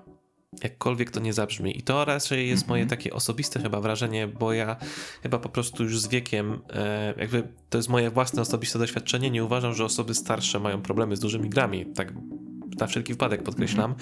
Ta gra mnie po prostu szczerze mówiąc przerosła na początku, e, ale tam rzeczywiście jest mnóstwo, jakby cały system rozgrywki jest tak bardzo rozbudowany pod kątem umiejętności, tego co możesz robić w grze, w walce i tak dalej, tego jest tak bardzo dużo, a gra niespecjalnie mocno ci dobrze i naturalnie wprowadza do tego wszystkiego. Zatem, zanim się na dobre wkręciłem, jakby jak dobrze wyposażyć postać, jak odblokowy- co konkretnie odblokowywać, jak tego używać i tak dalej, minęło dobrych kilka godzin, zanim się tak, wiesz, poczułem bardzo swobodnie, bo przez początek cały czas miałem niestety nawyki po grach Arkham. Wiesz, że masz ten free flow combat, że masz yy, odpowiednie przyciski odpowiadające za konkretną akcję i tak dalej. I ja próbowałem troszeczkę jakby na siłę wręcz walczyć, jakbym grał mm -hmm. w któregoś Arkama, a to jest coś zupełnie Rozumiem. innego. Znaczy, może nie aż tak mocno, ale jest. Więc jeśli chodzi o mechanikę, ona jest strasznie rozbudowana i wydaje mi się, że chyba troszeczkę aż za mocno. E, I fajne jest i swoją drogą, bo wspominałeś kiedyś o tym, że chyba właśnie miesiąc temu o jakiej recenzji, gdzie ktoś wspominał, że poziomy nie, nie rosną tak samo. Mhm. I też w komentarzach nas e, jakby tutaj to skomentowano, że tak nie jest, bo tutaj rzeczywiście postaci, jakby wiesz, levelujesz do góry i jakby ten mhm. poziom masz wspólny dla każdej postaci, potem musisz tylko sobie po prostu za te punkty, które tam dostajesz, odblokowywać dodatkowe umiejętności, więc tak. jakby nie zaczynasz jak zmieniasz postać, to nie zaczynasz mhm. od zera, tylko musisz sobie po prostu rozdysponować te jeszcze dodatkowe punkty w te umiejętności, które chcesz, żeby ci się lepiej mhm. grało. E, I mechanika, no, jest. Ach, nie chcę używać takiego słowa przekombinowana, bo to trochę przesada, ale no, jakby jest to strasznie duże. Nie wiem, czy aż za mhm. duże, za duże, aż za niepotrzebnie za duże. Jakby pod tym kątem arkamy, arkamy wydawały mi się trochę mniej rozbudowane, ale lepsze mhm. do przystosowania i nauczenia się. Jakby to było troszeczkę... Mi się, mi się wydawało, że w Arkamie właśnie było dużo tych umiejętności i trochę za dużo. To to już w ogóle nie wiem, jak teraz zrobili. No tego tu jest moim zdaniem e, więcej, jest więcej typów przeciwników chyba nawet i wiesz, przystosowywać się strategicznie do każdego z nich, możesz jeszcze właśnie zmieniać wyposażenie swoje pod kątem stroju, pod kątem e, broni, którą trzymasz w ręku i broni takiej, wiesz, dystansowej, nie? To to już w ogóle jest mega dużo kombinacji. E, pomijając samą mechanikę walki, poruszanie się, to jest ciekawe, bo nie mamy oczywiście E, znaczy, możemy się poruszać hakiem, każda z postaci ma możliwość, wiesz, podróżowania za pomocą mm -hmm. haka. Możesz też właśnie zrobić tak, że e, cię wystrzeli w powietrze gdzieś tam dalej, ale nie masz peleryny, którą, wiesz, możesz mm -hmm. glajdować, tak szybować. jak, szybować, mm -hmm. tak jak w mhm. Arkamach. Jedyną postacią chyba y, z taką pełno... Bad Girl. Tak, tylko Batgirl ma taką pełną pelerynę, bo tam jeszcze Robin ma, Team ma coś, to nie jest peleryna w sumie, ale coś podobnego, ale Batgirl rzeczywiście może szybować, ale nie możesz, wiesz, e, lecieć w dół po to, żeby się potem znów w górę, tak wiesz, śmiesznie e, poruszać, żeby to mhm. trwało jak najdłużej ale każdy z tych... No a Red Hood na czym szybuje? Red Hood... Na kurtce? Red Hood na niczym nie szybuje, bo to jest tak, jakby to poruszanie się peleryną masz jako taką dodatkową umiejętność odblokowywaną później i Badger szybuje na pelerynie, Nightwing przyzywa coś w rodzaju takiego, wiesz, sprzętu do... Drona jakiegoś. E, żeby się tam trzymać i przelecieć kawałek. Team ma coś zupełnie innego, bo on używa teleportera Ligi Sprawiedliwości, żeby się na krótkie dystanse teleportować. Mhm. Red Hood ma coś, co wyglądało dla mnie okropnie, jak to zobaczyłem na jakichś tam wczesnych y, gameplayach, bardzo wczesnych, jak jeszcze zerkałem, bo on y, pod wpływem tego, że był poddany kiedyś pod wpływ y, jamy Łazarza, to ma taką jakby mistyczną moc, która jakby pozwala mu zrobić taki, nie wiem jak to opisać, skok w skoku, nie? Tak jakby double jump. I możesz tak cały mm. czas nim skakać, bo tam jakaś moc mistyczna mu pozwala się w powietrzu od, po prostu jakby dodatkowy skok wykonać za każdym razem. I to wyglądało Spoko. bardzo dziwnie, ale szczerze mówiąc, pod kątem mechaniki, fantastycznie się wtedy gra w grę, bo można naprawdę rzeczywiście mm -hmm. się mhm. po mapie fajnie poruszać. E, I powiem ci, że okej, okay, bo co, co w takim razie jest najważniejszym, jakby co robimy w tej grze? Mamy główną fabułę e, i jestem naprawdę zaskoczony to, że gra się zaczyna tą śmiercią Batmana, która ci nie jakby nie daje ci w ogóle wątpliwości, że Batman nie żyje. Bo mhm. ja za początku zakładałem, bo nie znałem spoilerów ani nic, już tam później przestałem oglądać materiały promocyjne też jak wychodziły. Ja myślałem, mhm. że po prostu wiesz, nie zobaczymy tej śmierci Batmana, że to będzie tak off-screen, że zobaczymy tylko jakiś tam fragment tego, co, co do tego doprowadziło. Mhm. A tutaj gra się po prostu zaczyna od tego, gdzie nam to dokładnie pokazuje i to w taki sposób, że on naprawdę tak. nie żyje. I wiesz, ja myślałem, że gra będzie o tym, że to jest wielka tajemnica, co się stało z Batmanem i że pewnie na sam koniec się Jasne. okaże, że on wróci. Nie wiem, czy tak jest, bo jestem, nawet nie wiem w jakiej części gry, ale do tego momentu, w którym jestem, jakby nic nie wskazuje na to, żeby rzeczywiście był taki, wiesz, plot twist, że o, on jednak mhm. żyje. No, pewnie żyje, co? Nie wiem, zobaczymy. Ja mała zarza jeszcze jest tam pewnie, nie? W tym, no właśnie, rzecz polega na tym, że nie. Że chyba nie ma już e, za bardzo pod tym kątem, a fabularnie też e, jakby jest taka decyzja podjęta, że oni jej nie będą używać ze względu na te potencjalne efekty uboczne.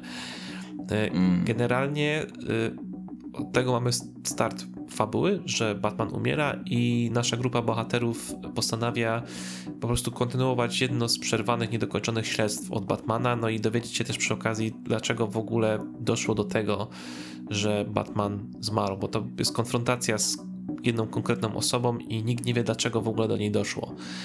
E, mhm. No i oczywiście fabuła się rozwija w trakcie, ta, ta główna, bo mamy Jasne. też misje poboczne i mamy zarówno takie misje poboczne fabularne, tak jak na przykład w, w grach Arkham, że masz osobne wątki na jakieś takie nieważne dla głównej fabuły aż tak postaci e, i masz też e, w całym Gotham zestaw misji dodatkowych, które się powtarzają za każdym razem, jak już je wykonasz, e, gdzie po prostu e, na przykład, nie wiem, musisz powstrzymać napad na bank, musisz powstrzymać przejęcie mhm. jakiegoś świadka koronnego, e, powstrzymać atak gangu na policjantów, więc jakby jest naprawdę masa rzeczy do robienia, bo też gra jest podzielona na na dni, w tym sensie, że jak możesz udać się do bazy po to, żeby minął dzień, tam możesz sobie na spokojnie porobić rzeczy, pobadać mhm. jakieś tam e, materiały, które pozbierałeś po drodze z głównych misji, potem wychodzisz na noc i znów jakby, wiesz, z, z,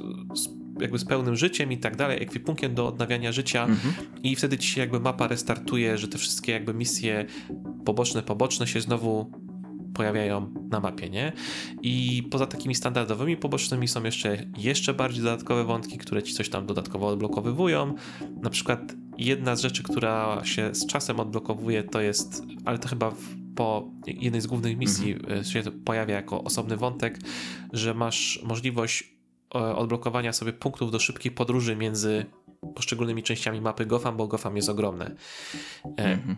Ja szczerze mówiąc, trochę przesadziłem, bo zamiast pchać fabułę do przodu, to sobie robiłem te misje poboczne, takie te właśnie najbardziej poboczne, które się restartowały i tam, nie wiem, nagrzałem sobie chyba 12 poziom, a jak wróciłem do fabuły, to tam było na zasadzie, no sugerowany poziom dla twojej postaci to powinien być piąty dla tej części fabuły, bo nawet pierwszej misji nie skończyłem. Głównej. Ale ja też tak robię. Ja zawsze, zawsze robię wszystko to, co nie jest niezwiązane z głównym wątkiem, i dopiero na samym końcu się borę, więc często, często też mam te, taką sytuację właśnie, że przerasta ci poziom e, no, danej, dan, danego terenu, nie? Przy czym e, przeciwnicy na mapie dostosowują się poziomem do ciebie, ale w tych głównych, mhm. fabularnych wątkach, no już nie, więc już nie. jak wróciłem do tej głównej fabuły, to tam troszeczkę rzeczywiście byłem chyba trochę, wiesz, overpowered. E, no. I bardzo jakby to było śmieszne, bo nie miałem właśnie jeszcze tych odblokowanych punktów szybkiego transportu, więc po prostu podróżowałem sobie tak trochę zmęczenie po tym Gotham. I jakby dwie rzeczy mi się wybiły w ten sposób. Pierwsza jest taka, że mamy motocykl, moto, motocykl, którym się poruszamy po mieście. Mógłby być mhm. szybszy, moim zdaniem, ale to co najważniejsze, to jest opcjonalna rzecz. To nie jest jak Batmobile w Arkham Knightie, który jest chyba mhm. najgorszą rzeczą w tej grze, moim zdaniem. Tutaj zrobili to dobrze. W sensie masz pojazd, który jest tylko po to, żeby ci pomagać w trakcie poruszania się, a nie jest integralną Jasne. częścią rozgrywki. Może potem go jakoś będziesz mógł upgrade'ować e, z większą szybkością czy coś. Wiesz co, chyba, chyba tylko można kolor zmieniać, z tego co wiem, na ten moment, ale może później rzeczywiście coś w tym dalej jest. Gotham jest większe i jest pełniejsze niż w Arkham Knightie. To jest ciekawe, bo jak pograłem sobie te kilka godzin w Gotham Knights, odpaliłem sobie z ciekawości Arkham Knighta i okej, okay, Gotham City naprawdę bardzo ładnie w Gotham wygląda w tym Arkham Knightie, ale jest strasznie puste. Tam nie ma nic no do tak. roboty, e, nie ma życia praktycznie. A w Gotham Knights rzeczywiście jest taki trochę ambient miasta, gdzie wiesz, nie masz tylko złoczyńców, ale masz też e, mhm. zwykłych ludzi, którzy cię komentują, na przykład jak wejdziesz między nich w różny mhm. sposób, albo słyszysz ich rozmowy gdzieś po drodze na jakieś tam tematy mniej lub bardziej związane z tym, co się dzieje wokół. E, możesz gdzieś minąć kogoś, kto po imprezie po prostu wymiotuje do kosza na śmieci nawet. Hmm. Więc no jest... No tak, to, to, to jeden z głównych zarzutów, nie? Tych głównych serii Arkham właśnie, to, to puste miasto, nie? To, to, praktycznie każdy to wymieniał jako minus, nie? No, a tutaj to jest dobrze zrobione, ale znowu Wydaje mi się, że to wszystko bardzo za duże i jak rozmawiałem e, z jedną znajomą, która też gra e, w tę grę, to powiedziała taki bardzo trafny komentarz moim zdaniem odnośnie tego Gotham Knights, że ta gra by znacznie bardziej zyskała, gdyby, już tak patrząc bardzo ogólnie, jeśli chodzi o gameplay, wydaje mi się, że ta gra by znacznie lepiej zyskała, gdyby to nie był typowy open world, tylko coś bardziej liniowego, bo fabuła jest bardzo wciągająca. E, relacje między postaciami, jakby najsilniejszy element tej gry, moim zdaniem, to jest to, jak postaci są napisane, to jakie mają interakcje ze sobą, wątki fabularne. To jest naprawdę mega dobrze zrobiona gra pod tym kątem.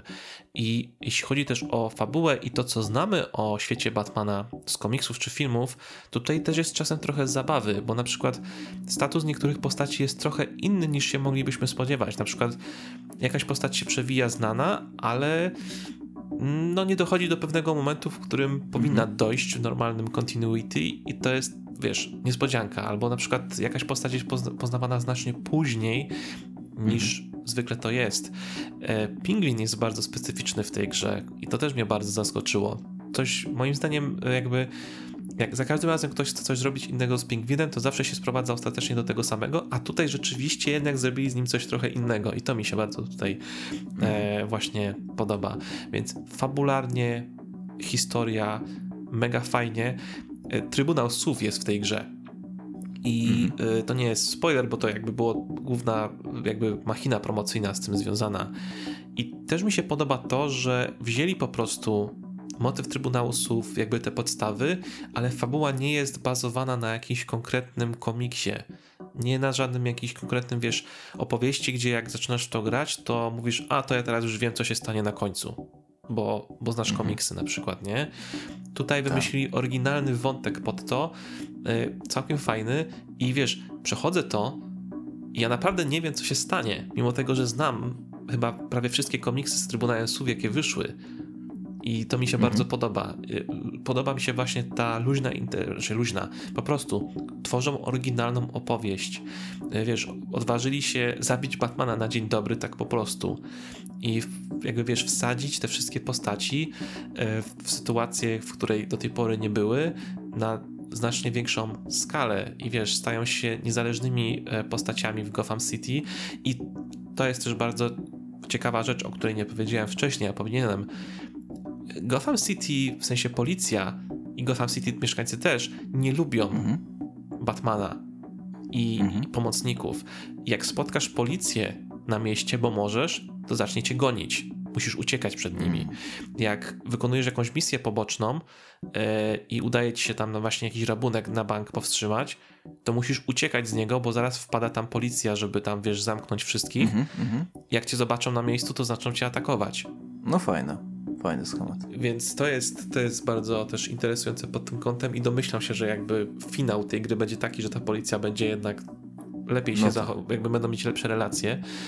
No i no, generalnie jest trochę właśnie takich ciekawych kierunków y, względem odbiegających od kanonu, które tworzą ciekawe sytuacje dla tych postaci fabularnie i to jest mega wciągające. Gameplayowo no, są po prostu rzeczy, które trochę nie działają, trochę są uciążliwe. Y, ewidentnie widać, że próbowali zrobić coś bardziej niż gry Arkham, ale to bardziej na tej zasadzie, żeby ludzie chyba się po prostu nie zawiedli, że dostają coś na taką samą skalę albo zupełnie innego. E, troszeczkę jak wiesz, z Arkham Origins było. Nie wiem, czy pamiętasz, mhm. ludzie zarzucali Arkham Origins, że to jest to samo co Arkham City. mhm. tylko z inną mapą, no co jest moim zdaniem no tak. absurdalnym e, argumentem. E, I nie wiem, no ja szczerze mówiąc, to nie jest tak, że jakby ciężki początek jest rzeczywiście na, e, jak przez te kilka mhm. godzin, jak się przyzwyczajasz do tej mechaniki, ale ja się naprawdę bardzo dobrze bawi, bawię póki co przy tej, przy tej grze. No są te minusy, Spoko. nie jest to gra idealna, czy bardzo dobra, trochę za wcześnie chyba, żeby jeszcze powiedzieć, ale myślę, że ze spokojem e, z, wiesz, poczuciem ducha mogę powiedzieć, że co najmniej jest to dobra mhm. gra i jestem z wielu rzeczy zadowolony. Mhm. Ale próbowałeś koopa, czy na razie solo tylko sobie No właśnie, to jest ciekawe. Nie mam, to jest w sumie minus, bo koop nie jest międzyplatformowy, więc musiałbym po mhm. prostu szukać kogoś chyba, żebym zagrać na PC, bo gram na PC. Ale to jest właśnie dobrze, że mi przypomniałeś. Kiedy robiłem jedną z misji pobocznych, jakiś losowy gracz do mnie dołączył w trakcie. Jako, ja chyba grałem jako e, Red Hood, a ktoś grał jako Team, jako Robin. Mhm. I rzeczywiście we dwójkę y, rozpracowaliśmy tam rzecz jak trzeba i nie ukrywam, niezła frajda to była, y, wiesz, poruszać się po całym mieście z osobą towarzyszącą, więc y, miałem tylko taki, wiesz, mały, mały poczęstunek tego, na czym to może Jasne. polegać. Jasne, ale ten czat był głosowy, czy jakoś gadaliście ze sobą? Nie. Być może jest taka możliwość, ale ja nie wiedziałem, jak to włączyć. Yy, druga osoba do mnie nie mówiła. Chyba, chyba jest. Domyślam się, że musi być, a jak nie, no to pewnie, wiesz, trzeba używać jakiegoś Discorda czy coś, ale nie, nie, nie, nie, nie miałem żadnej. Jasne. Tam, tam są opcje jakiejś takiej komunikacji, że możesz jakieś pozy komuś pokazywać. E, mhm. To jest chyba standard teraz w grach online. No tak. Tak. Nie gram za dużo w gry online, więc nie wiem, ale, ale poza tym to nic takiego tam nie znalazłem w trakcie, ani nic się, nikt się do mnie też Jasne. nie odezwał. Jasne. Rozumieliście się bez słów. Dokładnie tak. Trzeba... Jak to dwój, dwójka Robinów. Tak, trzeba było skopać tyłki bandytom i to, wiesz, wspólna misja, wspólny cel. Mm. I chyba bym mógł na tym w sumie zakończyć. Dobra gra, czy będzie bardzo dobra, to się okaże jak zakończę. E, -hmm. No, jest, tak jak mówiłem, jest ten problem, że ludzie raczej mają teraz duże oczekiwania, że będą mieć to tak. samo, tylko czy, że więcej niż w Arkham Knightie. I... I trochę na siłę, nie? Są te open worldy robione, nie?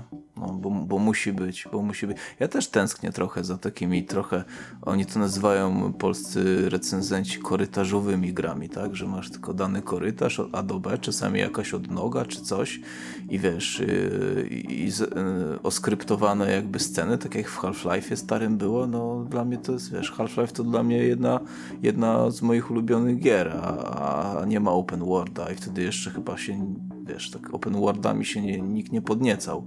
A, ale kurde, ja tęsknię za takimi, wiesz, że, że, że mam tylko powiedzmy jedną opcję i tam idę i tam czeka na mnie jakaś akcja, którą twórcy sobie, wiesz, wymyślili, oskryptowali i, i to tak działa, nie? A nie, że wiesz, e, nie wiem, gdzie w zasadzie iść, nie? Co, co też jest spoko, nie? Jasne, ale w Elden Ringu wspomnianym, no to masz ten open world i w zasadzie masz, to, to, to taka swoboda też jest spoko, ale czasami bym sobie pograł właśnie taką troszkę mniejszą gierkę, nie? I tutaj tak jak słyszę z tego, co mówisz, to to i tak twoja koleżanka, to, to, to byłby, byłby plus raczej, nie? No powiem ci, że ja jeszcze, e, nie pamiętam, czy to było chyba tydzień temu, e, tydzień temu, e, jeśli dobrze pamiętam, przyszły mi też nowe Pokémony, które wyszły e, na Switcha, które też są ogromnym open worldem i powiem ci szczerze mówiąc, nie, nie pograłem w nie za długo, e, między innymi z tego powodu, że ta gra jest olbrzymia.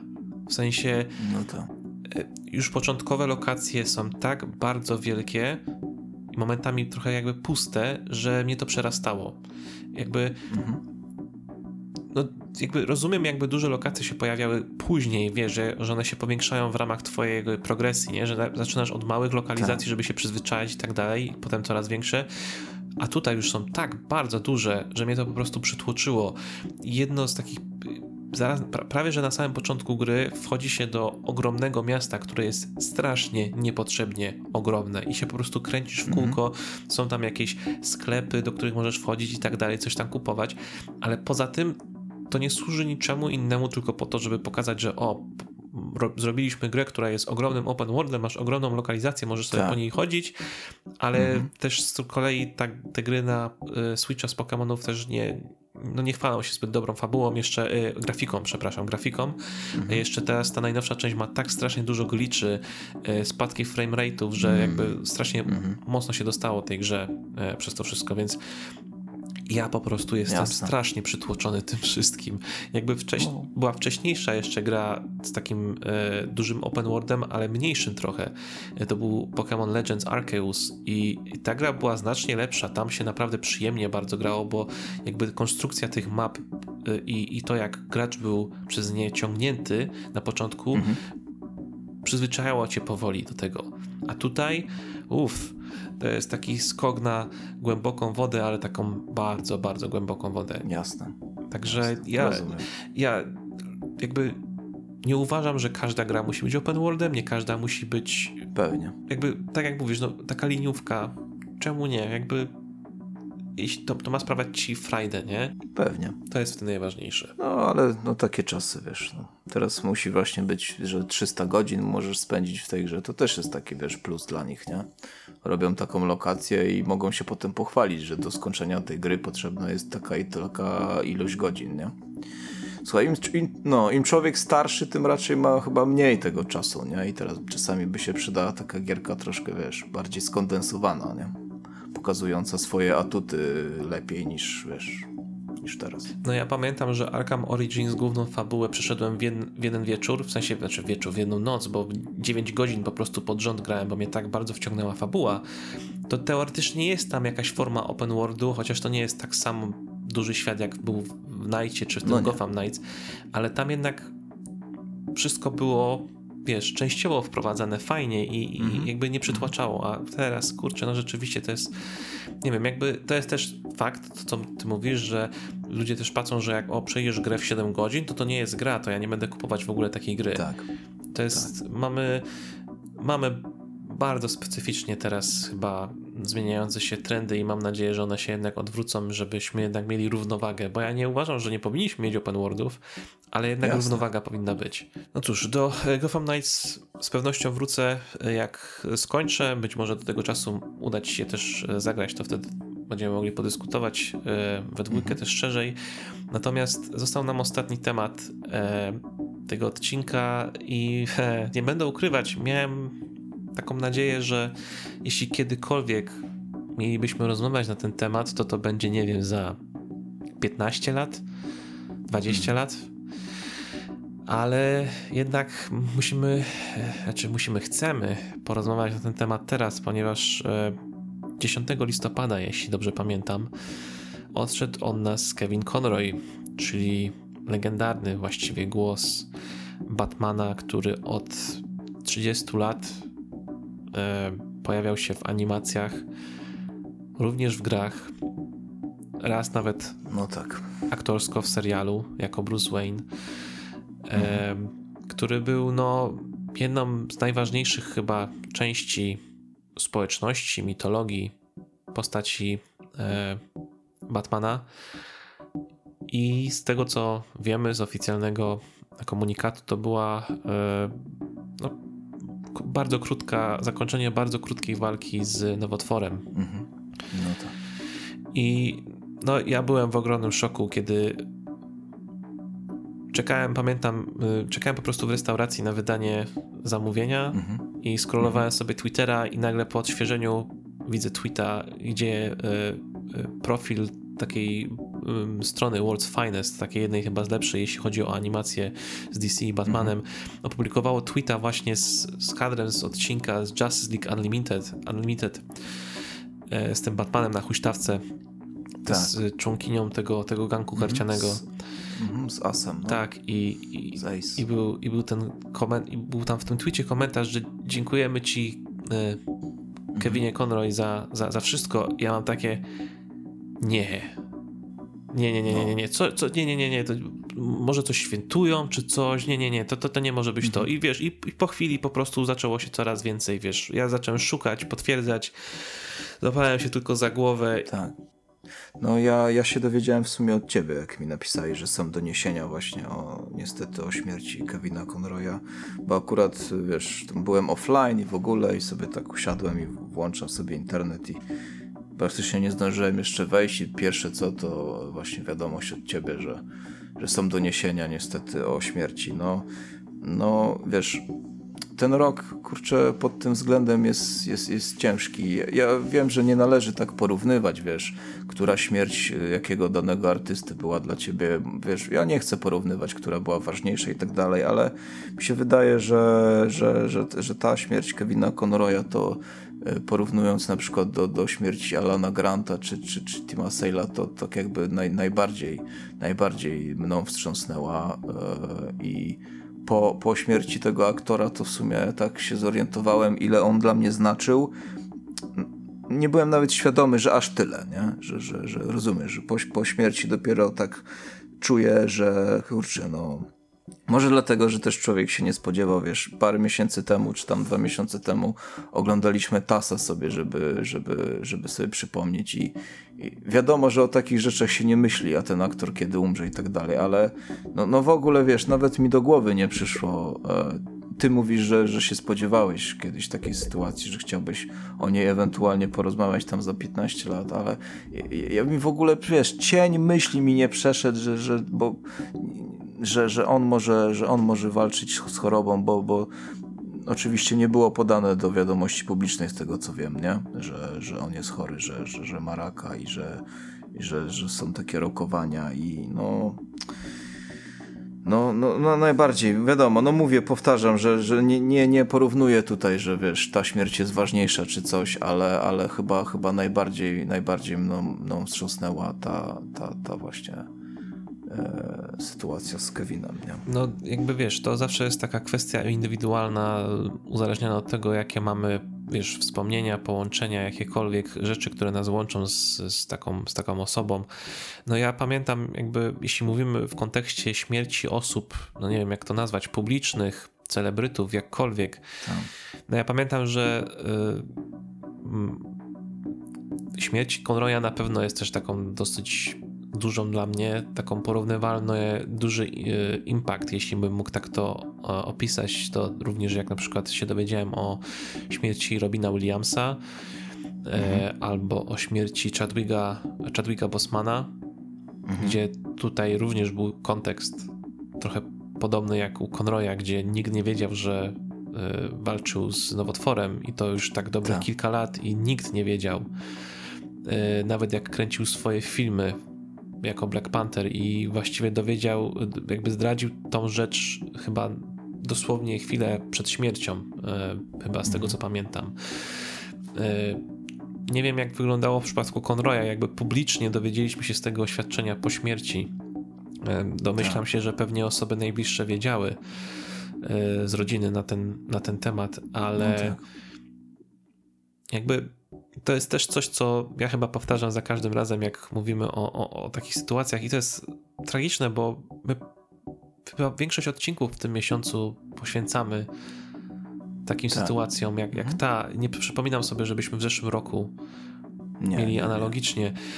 I to jest to, że to jest mega przykre i straszne, ale jednocześnie zawsze się jakby trochę jakby podnoszę na duchu tym, że y, ci ludzie, te osoby strasznie dużo po sobie zostawiają pod każdym możliwym względem i, i wiesz, i wczoraj i przedwczoraj pamiętam, że e, siedziałem sobie na YouTubie i sobie przeskakiwałem w ogóle po różnych filmikach e, z jakichś konwentów, wywiadów właśnie z Conroyem, żeby mm. sobie poprzypominać, e, bo część z nich część z tych wywiadów już znam, bo są bardzo stare i jakby wiesz, no tych materiałów jest mnóstwo, jakby mhm. odkąd wiesz, jest dostęp do internetu, to wchłonąłem tego mnóstwo przez tam te ostatnie prawie 20 lat, mhm. gdzie dawał te wywiady różne, e, czy opowiadał jakieś sytuacje z życia e, właśnie powiązane z jego rolą z Batmanem.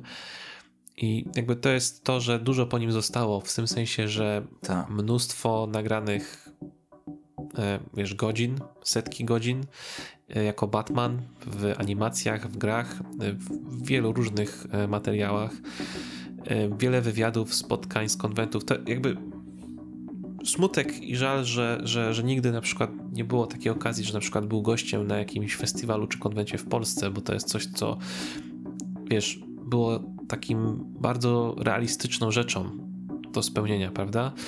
W sensie, mhm. że to mogłoby się wydarzyć, biorąc pod uwagę, jak jeździł po świecie też i się udziela na konwentach. Tak. No, a teraz tego no, no, nie będzie do tego okazji, ale no, jest mnóstwo po prostu tych nagrań, gdzie rozmawia tak. z ludźmi, gdzie opowiada. I nie wiem, ja, ja, bardzo lubię tą historię, która jest teraz bardzo często przytaczana, też właśnie powtarzana, jak, e, jak Kevin Conroy e, pomagał e, wydawać obiady po atakach na 11 mhm. września w takiej kuchni całodobowej, tak. gdzie on mhm. przychodził, zdaje się, na zmiany nocne chyba i że właśnie ktoś go tam rozpoznał, że, że, że, tak. że, że ja chyba poznaję twój głos. No, jestem aktorem i gram Batmana, nie? Że o, wiedziałem, wiedziałem i i ta osoba zaczęła krzyczeć tam do tych innych osób, która tam była w tej, w tej kuchni, w tym miejscu, gdzie oni wydawali to jedzenie, że tak. ej, mamy Batmana tak. tutaj, a oni, że niech udowodni. Bullshit. Tak, dokładnie. I że niech udowodni. No i Kevin rzucił z tym swoim legendarnym tekstem z Tasu i jak on to powiedział, że, że pierwszy raz usłyszał ludzi, którzy się śmieją i że są weseli od -hmm. Tej tragedii, no. którą Stany Zjednoczone przeżywały. I ta osoba, która go rozpoznała, się go zapytała wtedy, i to jest, i to jest myślę, ta istota tego, dlaczego takie osoby są jak Kevin Conroy ważne. E, zapytali, zapytał się ten człowiek go, jak to jest być świętym Mikołajem. Tak. Czyli, że tak. przynosił to, to, to szczęście, to, ten, ten, tą mhm. radość i tak dalej. I, I Conroy był takim świętym Mikołajem chyba dla nas wszystkich, prawda? Tak, tak, tak, tak. No ja też sobie przypominałem te filmiki, też trafiłem na to i w ogóle tak jak sobie przeglądałem, to y, od niego biła taka, taka y, przyjacielskość, taka, taka otwartość, że on, on nigdy jakby nie był nie był, nie był skrzywiony, nie był, nie, wiesz, ktoś go prosił o jakiś wywiad czy coś, czy, czy zawsze był taki otwarty, taki radosny, wiesz, opowiadał właśnie takie ciekawe historie, e, był otwarty właśnie dla fanów, e, wiesz, no on teoretycznie jak wydawał te obiady, to mógłby, wiesz, olać tego gościa i, i nie, nie, podchodzić tam do tych drzwi, czy tam gdzie krzyknął do tych ludzi, wiesz, że I am Batman, I am the Night, nie? On mógł powiedzieć, że wiesz, nie, nie po to tu jestem, ale on, on nigdy takich, wydaje mi się przynajmniej z tego, co ja przez lata właśnie obserwowałem, że on nigdy takich rzeczy nie odmawiał fanom i, i, i ja, ja akurat trafiłem też na taki filmik, gdzie poproszono go o, na jednym jakimś konwencie, poproszono go, żeby swoim głosem charakterystycznym powiedział jakiś tekst z Mrocznego Rycerza Christophera Nolana i on e, ku uciesze fanów wybrał e, zdanie I'm not wearing hockey pads, nie? A, tak, tak. Co, co wywołało po prostu, wiesz, e, radochę radochę, radochę gawiedzi i po prostu, e, wiesz, no, no, no, od razu taki uśmiech wywoływał. E, nie był skwaszony, tak? E, jeszcze w, kiedyś Kevin Smith miał taki podcast, który się nazywał Fatman on Batman. Kiedyś go słuchałem i pamiętam, że był wywiad z Conroyem. On chyba jest teraz za paywallem, nie, nie wiem, czy, czy, można, czy można go... Oni mieli go chyba udostępnić, tak, nie? Tak, Kevin Smith powiedział, że go udostępnił udostępnią niedługo, żeby był dostępny dla wszystkich. Tak, tak. No, no nie wiem, ja, ja, ja pamiętam, że, że jak wychodził, to właśnie słuchałem tego podcastu i był bardzo, bardzo go lubiłem.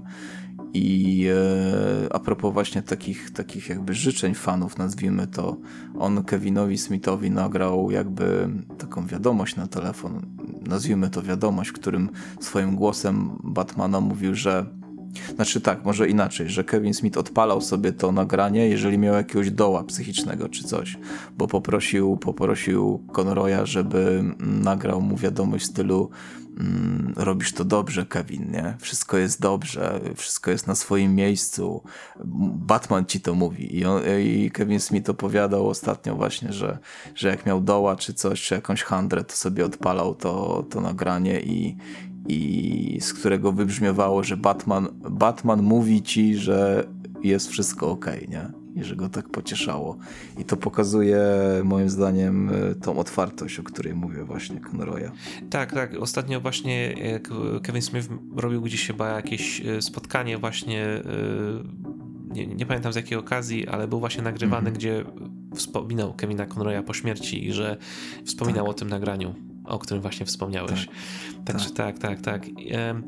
Ja dużo pamiętam takich sytuacji też śmiesznych, bo jakby mnóstwo jest fajnych anegdot, które też właśnie Conroy opowiadał e, na różnych nagraniach, na przykład jak e, taki inside joke był e, w pewnym momencie zrobiony w trakcie nagrywania serialu animowanego, gdzie bardzo specyficznie wypowiadał imienie od Andrei Romano, czyli mhm reżyserki od e, nagrywania mm -hmm. audio i castingu mm -hmm. do tych seriali DC.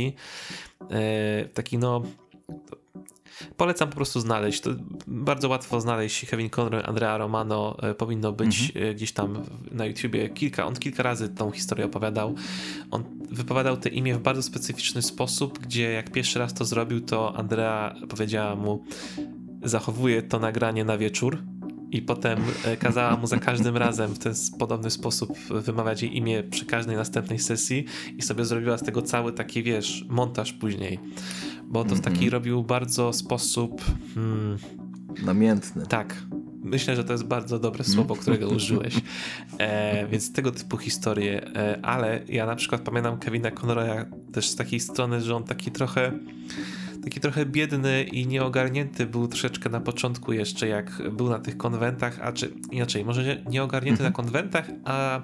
Niedojrzały taki y, trochę medialnie. Że on troszeczkę nie ogarniał tego, co się dzieje w internecie, w tym sensie, że mhm. co już jest wiadome oficjalnie, a co jeszcze nie. Bo dwie sytuacje z grami Arkham, które ja pamiętam, to jak na jednym konwencie ktoś go tak e, podszedł troszeczkę, bo ogłosili, że będzie Arkham City i ktoś, i ktoś go tam podpytał na tym konwencie, że to, to, to jaki jest ten u was ten Two-Face z tym Arkham City, nie?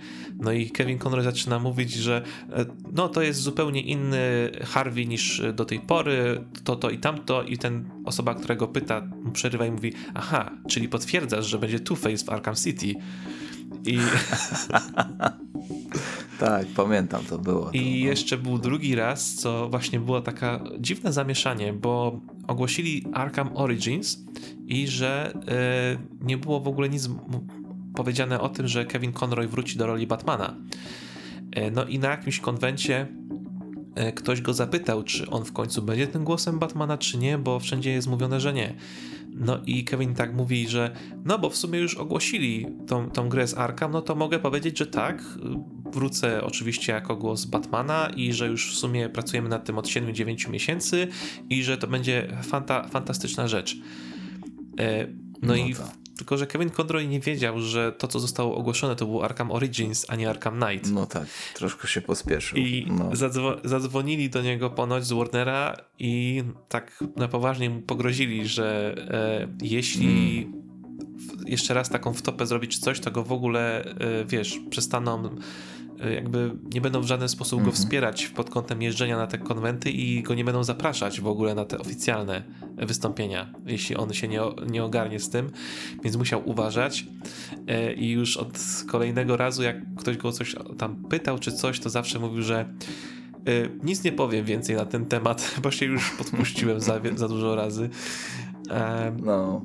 Pamiętam też jeszcze taką, e, abstrahując jeszcze, e, jak e, zaczął być zapraszany na konwenty, te komikony i tak dalej i ktoś mu, ktoś mu chyba podsunął ten pomysł z tego, co pamiętam, że się dowiedział, że że jako zapłatę jakby za to, że go tam mhm. Warner zaprasza gdzieś i tak dalej i podwozi, to yy, można, mógł sobie zażyczyć, bo jakiś inny aktor tak zdaje się robił, oryginalne klatki animacji z seriali mm -hmm. animowanych i od momentu, w którym on się o tym dowiedział, to on za każdym razem tylko po prostu prosił, żeby mu dawali w zamian po prostu coś takiego z Warnera. I mm. czasem jak Kevin Conroy nagrywał coś u siebie w domu, to w tle było widać powieszone w ramkach te wszystkie klatki animacji właśnie. Mm -hmm. No, świetne. No to jest dużo warte pewnie, nie? Teraz Oj, zdecydowanie. E, Kilka miesięcy temu rozmawialiśmy o komiksie, który Kevin Conroy napisał. Pierwszym, jaki napisał, mm. powiązany z postacią Batmana, ale to było jakby biograficzna opowieść, tak de facto, tak. Mhm. powiązana mhm. z Batmanem. Finding Batman. Tak, mhm. i strasznie niesamowicie się cieszę, że ta opowieść Jasne. za jego życia mogła jeszcze wyjść, bo mhm. moim zdaniem ona była tak bardzo ważna pod tak wieloma kątami i to tak. z, z jakim, wiesz, to z jakim odbiorem ona się spotkała, to, że jakby były same pozytywne reakcje na to wszystko, więc jakby cieszę się, że Conroy mógł dożyć jakby tego momentu, w którym on mógł jakby, wiesz, odsłonić się Jasne. i uzyskać jakby, czy uzyskać i spotkać się z akceptacją całkowitą tego, tak. e, jak mhm. opowiedział o swoim życiu. E, I myślę, to, to jest dla mnie na pewno bardzo ważne, że, że, że, że mógł doświadczyć mhm. w ogóle tego. E, i, I to, że mógł zagrać, nie wiem czy ty to oglądałeś, ale że mógł zagrać Bruce'a Wayne'a w, jako Jasne. aktor. Mhm, oglądałem, tak, tak. No. no. jest na YouTubie w ogóle taki, taka kompilacja w ogóle, wszystkie sceny Kevina Conroya z Batwoman, nie? więc y, polecam, jeżeli ktoś ciekawy, to, to wiesz, nie trzeba całych odcinków oglądać, tylko ktoś to sobie zmontował E, no jest to na pewno jakaś frajda e, oglądania i, i, i, patrzenia na niego, że tak powiem, live, nie? A nie tylko głos. Tak. On tam gra tego starego, takiego trochę z Kingdom Come Bruce'a Wayne'a, nie? Z tym swoim egzoszkieletem. Zgadza się. Niby taki poharatany, wiesz, e, przestał już być trochę taki zgorzkniały, ale no wiadomo, że to takie, wiesz, no to, to Batwoman to taka trochę kino klasy, klasy B, wiadomo, nie? Że, że to nie, nie należy się spodziewać tam, wiesz, ale jak najbardziej przyjemna sprawa do, do obejrzenia, nie? No słuchaj, on miał 66 lat, więc y, no jeszcze spokojnie by... Jestem ciekaw, jakie projekty jeszcze by na niego czekały, wiadomo, nie? Czy, czy jakieś kolejne gry, czy, czy, czy jakieś, wiadomo, filmy, kreskówki. Chodzą słuchy, że miał zagrać w y, Thomasa Wayne'a w Caped Crusader. I jeśli tak miało być, to podejrzewam, że jakby biorąc pod uwagę, jak długo trwa produkcja seriali, to jest duże prawdopodobieństwo, że zdążył nagrać tą rolę. Myślisz, że zdążył? Tak. A, hmm. Ale jeszcze, bo dużo osób o tym zapomina, yy, mamy mieć słuchowisko radiowe w cudzysłowie osadzone mhm. w Batman The Animated Series, które ogłosili chyba dwa lata temu, że pracują nad nim.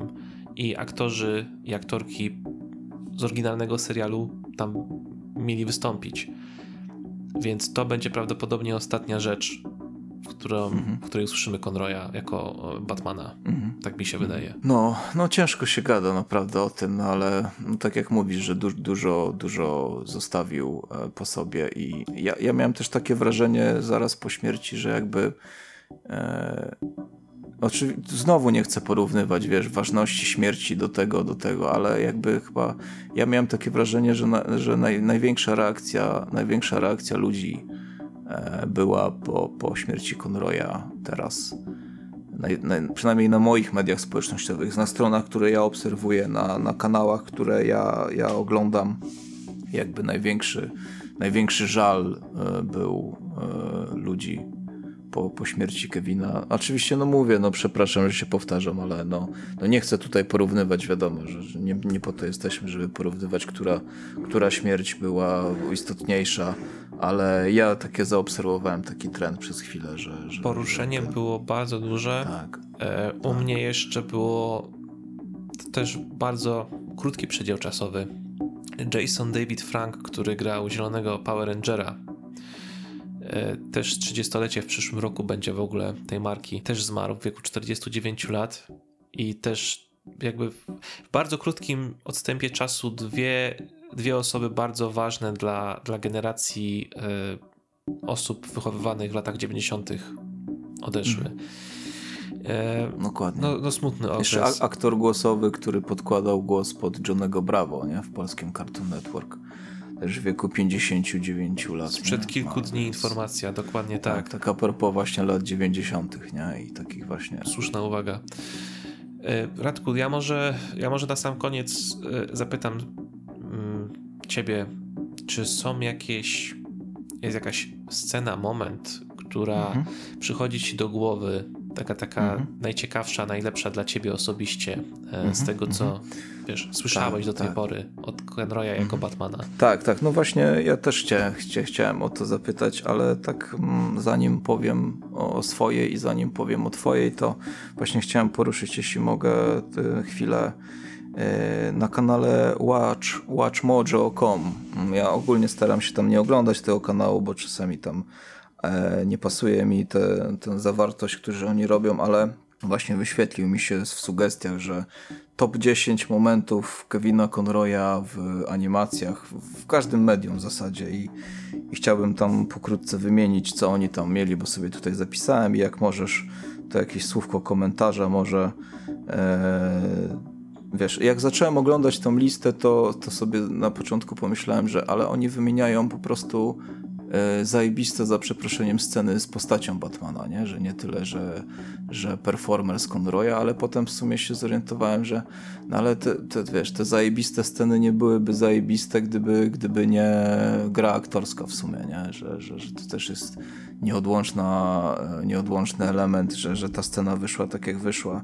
Na dziesiątym miejscu dali e, przechytrzenie Darkseida w tym filmie Public Enemy, staje się, to się wrogowie publiczni chyba nazywali, kiedy Superman walczy z, razem z Supergirl z Darkseidem i Batman wchodzi do komnaty Darkseida i mówi mu, że żeby on przestał tutaj te swoje działania, bo on schakował jakby te takie, wiesz, te, te, te dziury z ogniem na apokalips i i, i, i, i jakby zaszantażował Darkseida, żeby ten, nie? żeby przestał męczyć Supergirl, bo, mm, bo on wysadzi mu planetę. To, wiem, czy, to było czy... w sequelu, to było w drugiej części. Public Enemies to był pierwszy film, a ten drugi to był chyba po prostu Batman Superman Apocalypse, jeśli dobrze pamiętam. A, faktycznie, faktycznie. No ale ja, ja też bardzo lubię tą scenę i, i po prostu, że E, wiesz, e, że, że, że, że Batman wszedł na pełnej po prostu do jego sali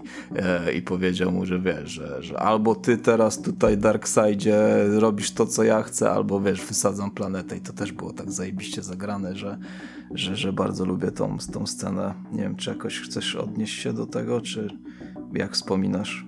Tą, tą scenę albo ten film w ogóle. Ja mam, ja mam e, mieszane odczucia trochę do tego filmu, bo o, Mhm. Znaczy może nie do samego filmu, co też trochę w sumie bardziej do materiału źródłowego, który miał swoje gorsze mhm. i lepsze momenty, ale w tych wersjach animowanych był znacznie lepszy.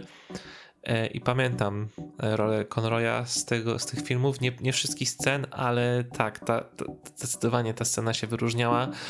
E, mnie się bardziej, mnie, mnie bardziej troszeczkę w głowie e, trzymają te chwile, które były w tym poprzednim fi filmie, Public Enemies, e, mhm. który miał sceny, gdzie miał Batman z Supermanem. To tam trochę bardziej. Tak. E, tam było dużo mhm. takich bezpośrednich setów z komiksu, gdzie ten Batman, Superman, Batman był taki trochę sarkastyczny wobec Clarka. To, to, to mhm. bardziej pamiętam. Mhm. No to też pamiętam, jak tam szli sobie, jak Superman był ranny, nie? Tak Chyba. jest, tak jest. I sobie szli w tych kanałach. No. Clark to, to, to jest dobry, do, dobry super złoczyńca. Tak, to, to, to jest świetny, świetny przykład, no, świetny wybrać. No niestety Watch Mojo tego nie umieściło, bo na dziewiątym miejscu dali e, scenę z Justice League Doom z animacji, czyli z naszej adaptacji Wieży Babel. E, moment, w którym mm, Batman orientuje się, że to jego plany e, zostały wykorzystane do eliminacji członków ligi i konkretnie to była ta scena, gdzie siedzi gdzie siedzi e, przy komputerze z Alfredem i, i mówi, że Alfredzie przygotuj, przygotuj e, mi pojazd, nie? Bo Justice League została zaatakowana, a Alfred się pyta, ale przez kogo? I on wtedy tym głosem mówi, przeze mnie, nie? By me, wiesz, i to takie, dla mnie też to świetna scena było. E, ciary, ciary mam, więc e, już tam odchodząc od tego, czy ten film był udany i tak dalej, czy, czy nie, ale ale pamiętam, że ta scena też na mnie zrobiła wrażenie takie, wiesz, że e, no, no donośnym głosem powiedział. E, ósme miejsce to był Teen Titans. Nie wiem, czy kojarzysz e, mm, odcinek. Ja tego chyba nie widziałem w całości. To był odcinek, gdzie Robin opowiadał o swojej genezie i e, to była ta scena, że Batman nie mógł, to taka komediowa, że Batman nie mógł znaleźć Robina nigdzie, bo e, on był w jego cieniu cały czas. Kojarzysz tą scenę? In your shadow, in your, in your shadow. Where is Robin? In your shadow. Ale to był Teen Titans Go, czy Teen Titans zwykły? Teen Titans Go. Teen A, Titans Go, to, to nie, to tego akurat nie widziałem. No i tam też, i tam z kolei e, strona komediowa Conroya jest dobrze pokazana, bo tam jest taka scena, że Batman rozmawia z komisarzem Gordonem i, i nagle, nagle, gdzie jest Robin? Gdzie jest Robin, nie? A i, i wiesz, i stoją tak, że światło pada się na budynek i, i Robin stoi w cieniu Batmana i mówi, tutaj jestem, tutaj, tutaj jestem, w twoim cieniu. I taki, wiesz, i, i taki zniechęcony, ja zawsze będę w twoim cieniu, wiesz taka, taka fajna scena. E, co tam dalej? Mm, siódme miejsce to Justice League Unlimited, kiedy Kevin Conroy grał dwie role w zasadzie naraz, kiedy stary Bruce Wayne spotyka e, młodego, wiesz. Tak. Tam była jakaś fabuła, że oni, że oni podróżowali w czasie, nie? I tak. było, pamiętasz? Zgadza się. I była taka scena, że w jaskini Terry McGinnis przedstawia starego Bruce'a Wayne'a, e, jakby młodemu Bruce'owi Wayne'owi i stary mówi do niego e, zaskoczony, że, że mnie widzisz, na co Kevin Conroy sam odpowiada sobie, że no jestem troszkę zaskoczony, e, że przeżyłem aż tak długo, nie? I potem jeszcze mają jakieś tam wspólne sceny, gdzie przesłuchują tego jakiegoś złoczyńcę. E, też bardzo lubię, lubię ten odcinek. E, co tam dalej? E, to może ty się wypowiesz. Arkham, Arkham City E, końcówka Arkham City to jest podobno, bo ja nie skończyłem niestety, gdzie Joker umiera. A, tak? I chodzi pewnie o tą scenę, jak Batman mówi, że nawet gdyby jakby tak, niezależnie od tak, sytuacji, on i tak, tak by go uratował. Uratowałbym cię. Mhm. I on też tak, jak, jak słuchałem tej sceny, to, to faktycznie w jego, w jego głosie słychać było takie współczucie dla Jokera, że mimo wszystkich tych y, tych krzywd, które zrobił, to on i tak to antidotum by mu podał. I Joker się zaczął śmiać. E, więc no to też pokazuje umiejętności, jakie ma Conroy, nie? Na piątym miejscu dali, to już wspomniałeś, pocieszenie, pocieszenie Ace na, na, na, na huśtawce. Mm. Justice, to było w Batman Beyond chyba, nie? To, był, to, jest, to jest Justice League Unlimited. To był finał. E, Jeszcze Unlimited. Tak, bo, mhm. Dobra, bo Batman okay. Beyond był przed Justice League i chodzi po prostu o to, że ten odcinek, o którym wspominasz, to był finał przedostatniego sezonu. On się nazywał Epilog. I tam rzeczywiście odcinek mm -hmm, był -hmm. osadzony po Batman Beyond i był flashback po prostu do akcji, która e, jakby dała do zrozumienia Amandzie Waller, że e, tak. Gotham zawsze, świat zawsze musi mieć Batmana. Tak, no, no ta scena też świetnie się ją ogląda, bo ta, ta mała, ta, ta dziewczynka mówi do niego ja chyba umieram, on mówi yes, nie? Wiesz, to, tylko no, wiesz, nie zostało mi za dużo czasu, yes i tylko po prostu, wiesz, E, potakuje tak, e, że, że, że on tutaj jest po to, żeby ją pocieszyć jakby w ostatnich chwilach i, i no to się łezka wokół kręci naprawdę. Ta scena sama w sobie jest świetna, ale też wiesz, nie byłaby aż tak świetna, gdyby nie była e, tak dobrze zagrana. Mm, czwarte miejsce dali Killing Joke e, już pod koniec, jak rozmawia znowu Batman z Markiem Hamilem i próbuje przemówić mu ostatni raz do rozsądku Pamiętasz? Tak, że, i śmiech. Że, że, że, też, też, też, ale bardziej chodziło o, o, o tą, tą próbę podjęcia jeszcze jakiegoś dialogu z Jokerem, że, że nie, nie, musimy, nie musimy walczyć ze sobą, może jest nadzieja, pozwól mi sobie pomóc. wiesz, nie, nie, nie, musimy się zabijać nawzajem, wiesz, i, i, i, i, potem, i potem wspólny śmiech Batmana, co, co w sumie raczej chyba rzadko słyszeliśmy, tak, w tych animacjach co tam dalej? E, trzecie miejsce to był Mask of the Phantasm. E, a i konkretnie znowu dramatyczna scena, w której Bruce e, rozmawia z rodzicami. z rodzicami, tak, z rodzicami na, na grobie i, i, i mówi, że pozwólcie mi jakby być szczęśliwym, że, że jak składałem przysięgę żeby was pomścić, to, to nie spodziewałem się, że jakby odnajdę miłość, wiesz, w, w postaci tej, tej kobiety, która tam się pojawia. Andrea. Zapomniałem, jak ona się nazywała. Tak. E, I to też jest taka wstrząsająca, bo on tam ze łzami mówi, że, że, że wiesz, pozwólcie mi być szczęśliwym, pozwólcie mi jakby, jakby nie być Batmanem, e, żeby, żeby mógł się cieszyć nie, życiem. On tam mówi bezpośrednio, że dajcie mi sygnał, który, e, który mi da no, znać, że, że, no, że, że ten. No. I wtedy właśnie ta Andrea tam się do, nie, do niego przychodzi tak, na cmentarzu. Się. Ja właśnie miałem mhm. wymienić z swoich jakby takich największych rzeczy dwie rzeczy. Jedna właśnie to y, właściwie cały Mask of the Phantasm z tą sceną między innymi na czele. Mhm. Wydaje mi się, że to jest mhm. najbardziej chyba pamiętliwy występ dla mnie Conroya z tych um, wszystkich rzeczy, które do tej pory y, zrobił. Dla mnie Mask of the Phantasm jest najlepszym filmem z Batmanem, jaki został zrobiony, jeśli chodzi o adaptację niezależnie czy animowaną, czy aktorską.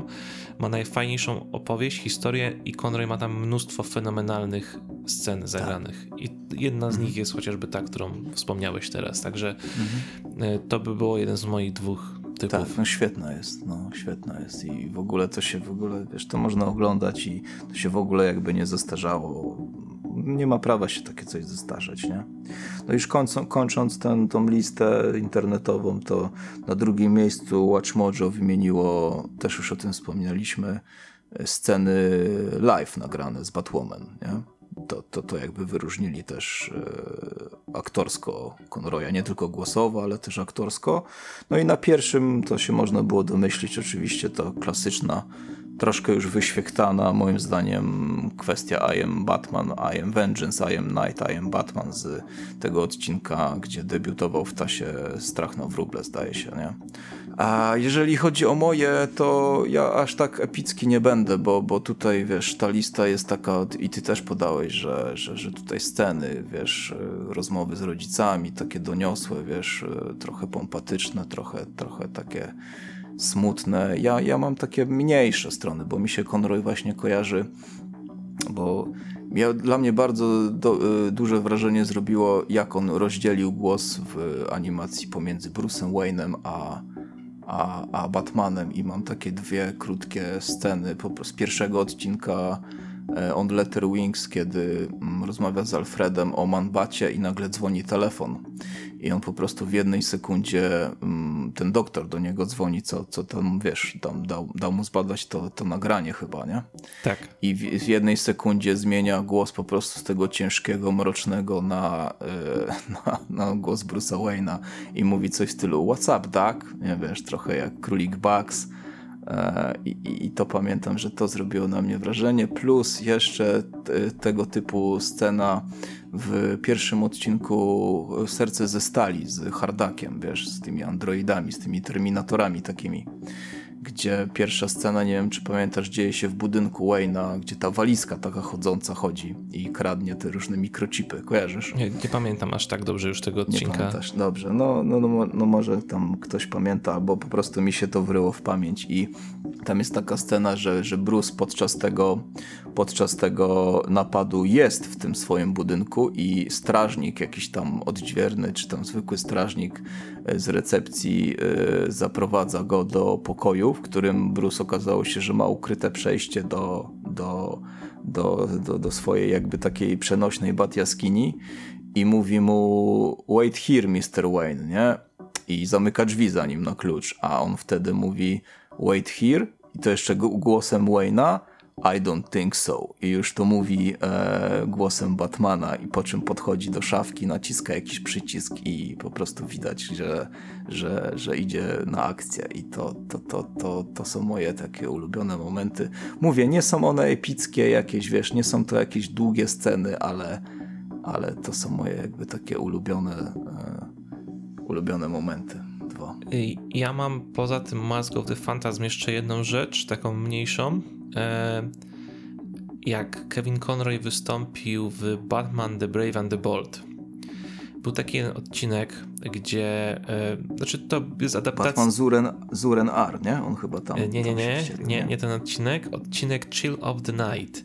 E, adaptacja mhm. komiksu napisana przez Paula e, Diniego, gdzie mhm. Batman odkrywa, e, kto e, zamordował jego rodziców, czyli Joe Chill e, i tam e, jest w ogóle ten odcinek jest świetnie zrobiony, jeśli chodzi o dobór e, postaci, które grają w tym odcinku, bo mamy Adama Westa i Julie Newmar mm. grających mm -hmm. Thomasa Wayne'a i Martę Wayne. Jest też tutaj w tym odcinku postać Phantom Strangera i Spectra, którzy obserwują, co Batman zrobi z Joe Chillem, wiedząc, że zamordował jego -hmm. rodziców. Mm -hmm. I e, Spectra gra Mark Hamill, czyli Joker, a Phantom Czyli Luke Skywalker. Tak, właśnie, no w sumie tak by było lepiej powiedzieć. A Phantom Strangera gra Kevin Conroy. Nice. I to bardzo dobrze pamiętam właśnie, kiedy Conroy gra taką postać obserwatora, która w pewnym sensie ocenia, czy raczej kibicuje Batmanowi, który jest grany przez kogoś innego.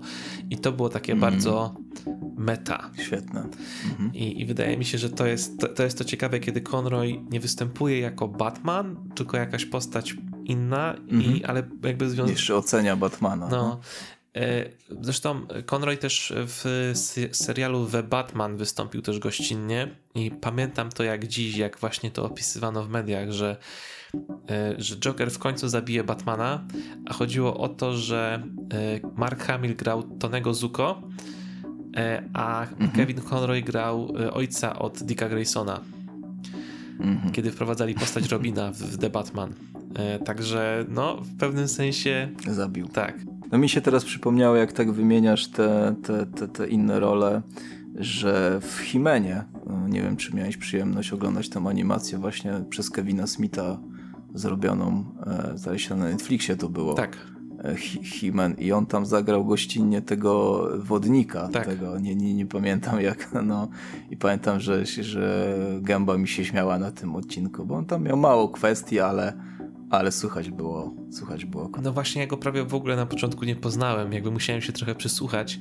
E, tam Mark Hamill grał Szkieletora, jeśli dobrze pamiętam z kolei. Tak, tak. Więc tak, taki no. Kevin Smith sobie po prostu zrobił taki casting tych, tych aktorów, e, tych, tych że mhm. bardzo pod siebie, można mhm. powiedzieć. Dokładnie, dokładnie. No niestety, no nie wiem, czy widziałeś też e, portret tego, hmm, chciałem powiedzieć Henryka Sienkiewicza, ale Billa Sienkiewicza oczywiście miałem na myśli. Widziałem, widziałem. Jakby no to też jest taka charakterystyczna trochę rzecz. Smutna, smutna tradycja, prawda, że e, Sienkiewicz zawsze te portrety wykonuje.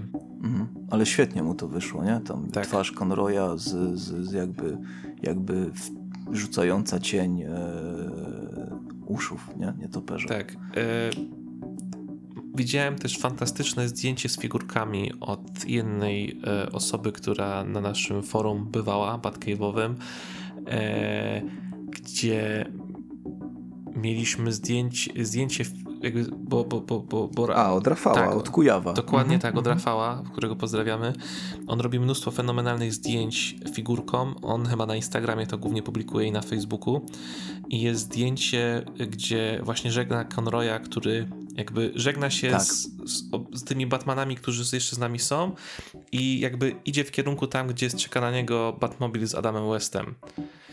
I to zdjęcie poszło tak, tak. wiralowo po prostu po całym mm -hmm. internecie, że bardzo dużo go widziałem w mm -hmm. sieci wszędzie. Tak, też widziałem, też widziałem. No. Nawet mu tam napisałem komentarz pod zdjęciem, że on też, też był świadomy, też widział. E, e, no, świetne zdjęcie, tam żegnamy, żegnamy. Ile takie zdjęcie wyraża po prostu, nie? Tak. Żegnamy Batmana e, kolejnego jakby, nie? Tak, więc e, też fantastyczne, fantastyczny hołd. E, no, dużo takich pewnie będzie jeszcze przez tak. najbliższe tygodnie i miesiące. Tak. To, to zdjęcie zdaje się też bierze udział w jakimś konkursie, a tam dokładnie się nie orientuję, ale Rafał właśnie na swoim fejsie informował, mm, chyba to było na Instagramie, on ma, on ma chyba ksywkę na Insta e, Neil Before Zod, nie? Taką ksywkę i tam można wejść na jego profil e, i e, zagłosować po prostu, jeżeli ktoś ma Twittera, na, na tą fotkę w konkursie, nie? Instagrama. Także. Instagrama? No, Tak. mówię, no nie, nie, nie jestem ogarnięty. e, Insta, no Instagrama, to chyba było na Instagramie. Tak, to jest Instagram i w, nazywa się profil tak jak napisałeś Neil Before Zod, czyli ta słynna Mhm. fraza z komiksów z Supermanem Tak. odnośnie Zoda. Także zachęcamy do tego, żeby sprawdzić. E, I to by było chyba na tyle, jeśli chodzi o nasz dzisiejszy odcinek z tego miesiąca, przedostatni w tym roku.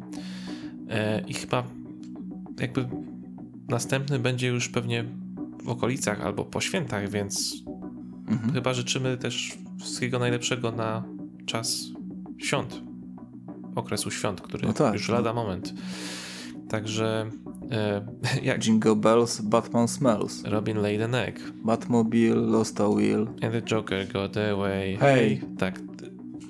Będzie można, będzie, a przecież my, to, tego nie śpiewaliśmy czasem? Śpiewaliśmy wtedy. Śpiewaliśmy rok temu. Tak, nie możemy Na, tego na, powtórzyć. na wejściu. nie, na wejściu. nie możemy tego powtórzyć, bo, bo znów stracimy słuchaczy. Ale A możemy... ja, ja chciałem się zapytać, czy w Sylwestra będziesz grał w grę? I nie jest, nie jest ona, nie, nie będzie to Tomb Raider, tylko Gotham Knights, No tak? zobaczymy, w sumie czemu nie. To już wiem, co będę robić. Y, Natomiast ja myślę, że na pewno warto życzyć e, wszystkim, żeby pod choinką znalazły się dwa grube, duże komiksy, e, o których dzisiaj mówiliśmy, bo to będą naprawdę dobre prezenty. Tak mi się wydaje. No i żeby HBO się polskie ogarnęło w końcu i dało e, Tas. wiadomo co, Tak. wiadomo gdzie. Na jakim, i wiadomo na jakim bat kanale. Dobrze, to żegnamy się w takim razie i mam nadzieję do usłyszenia za miesiąc. Cześć. Dzięki, cześć.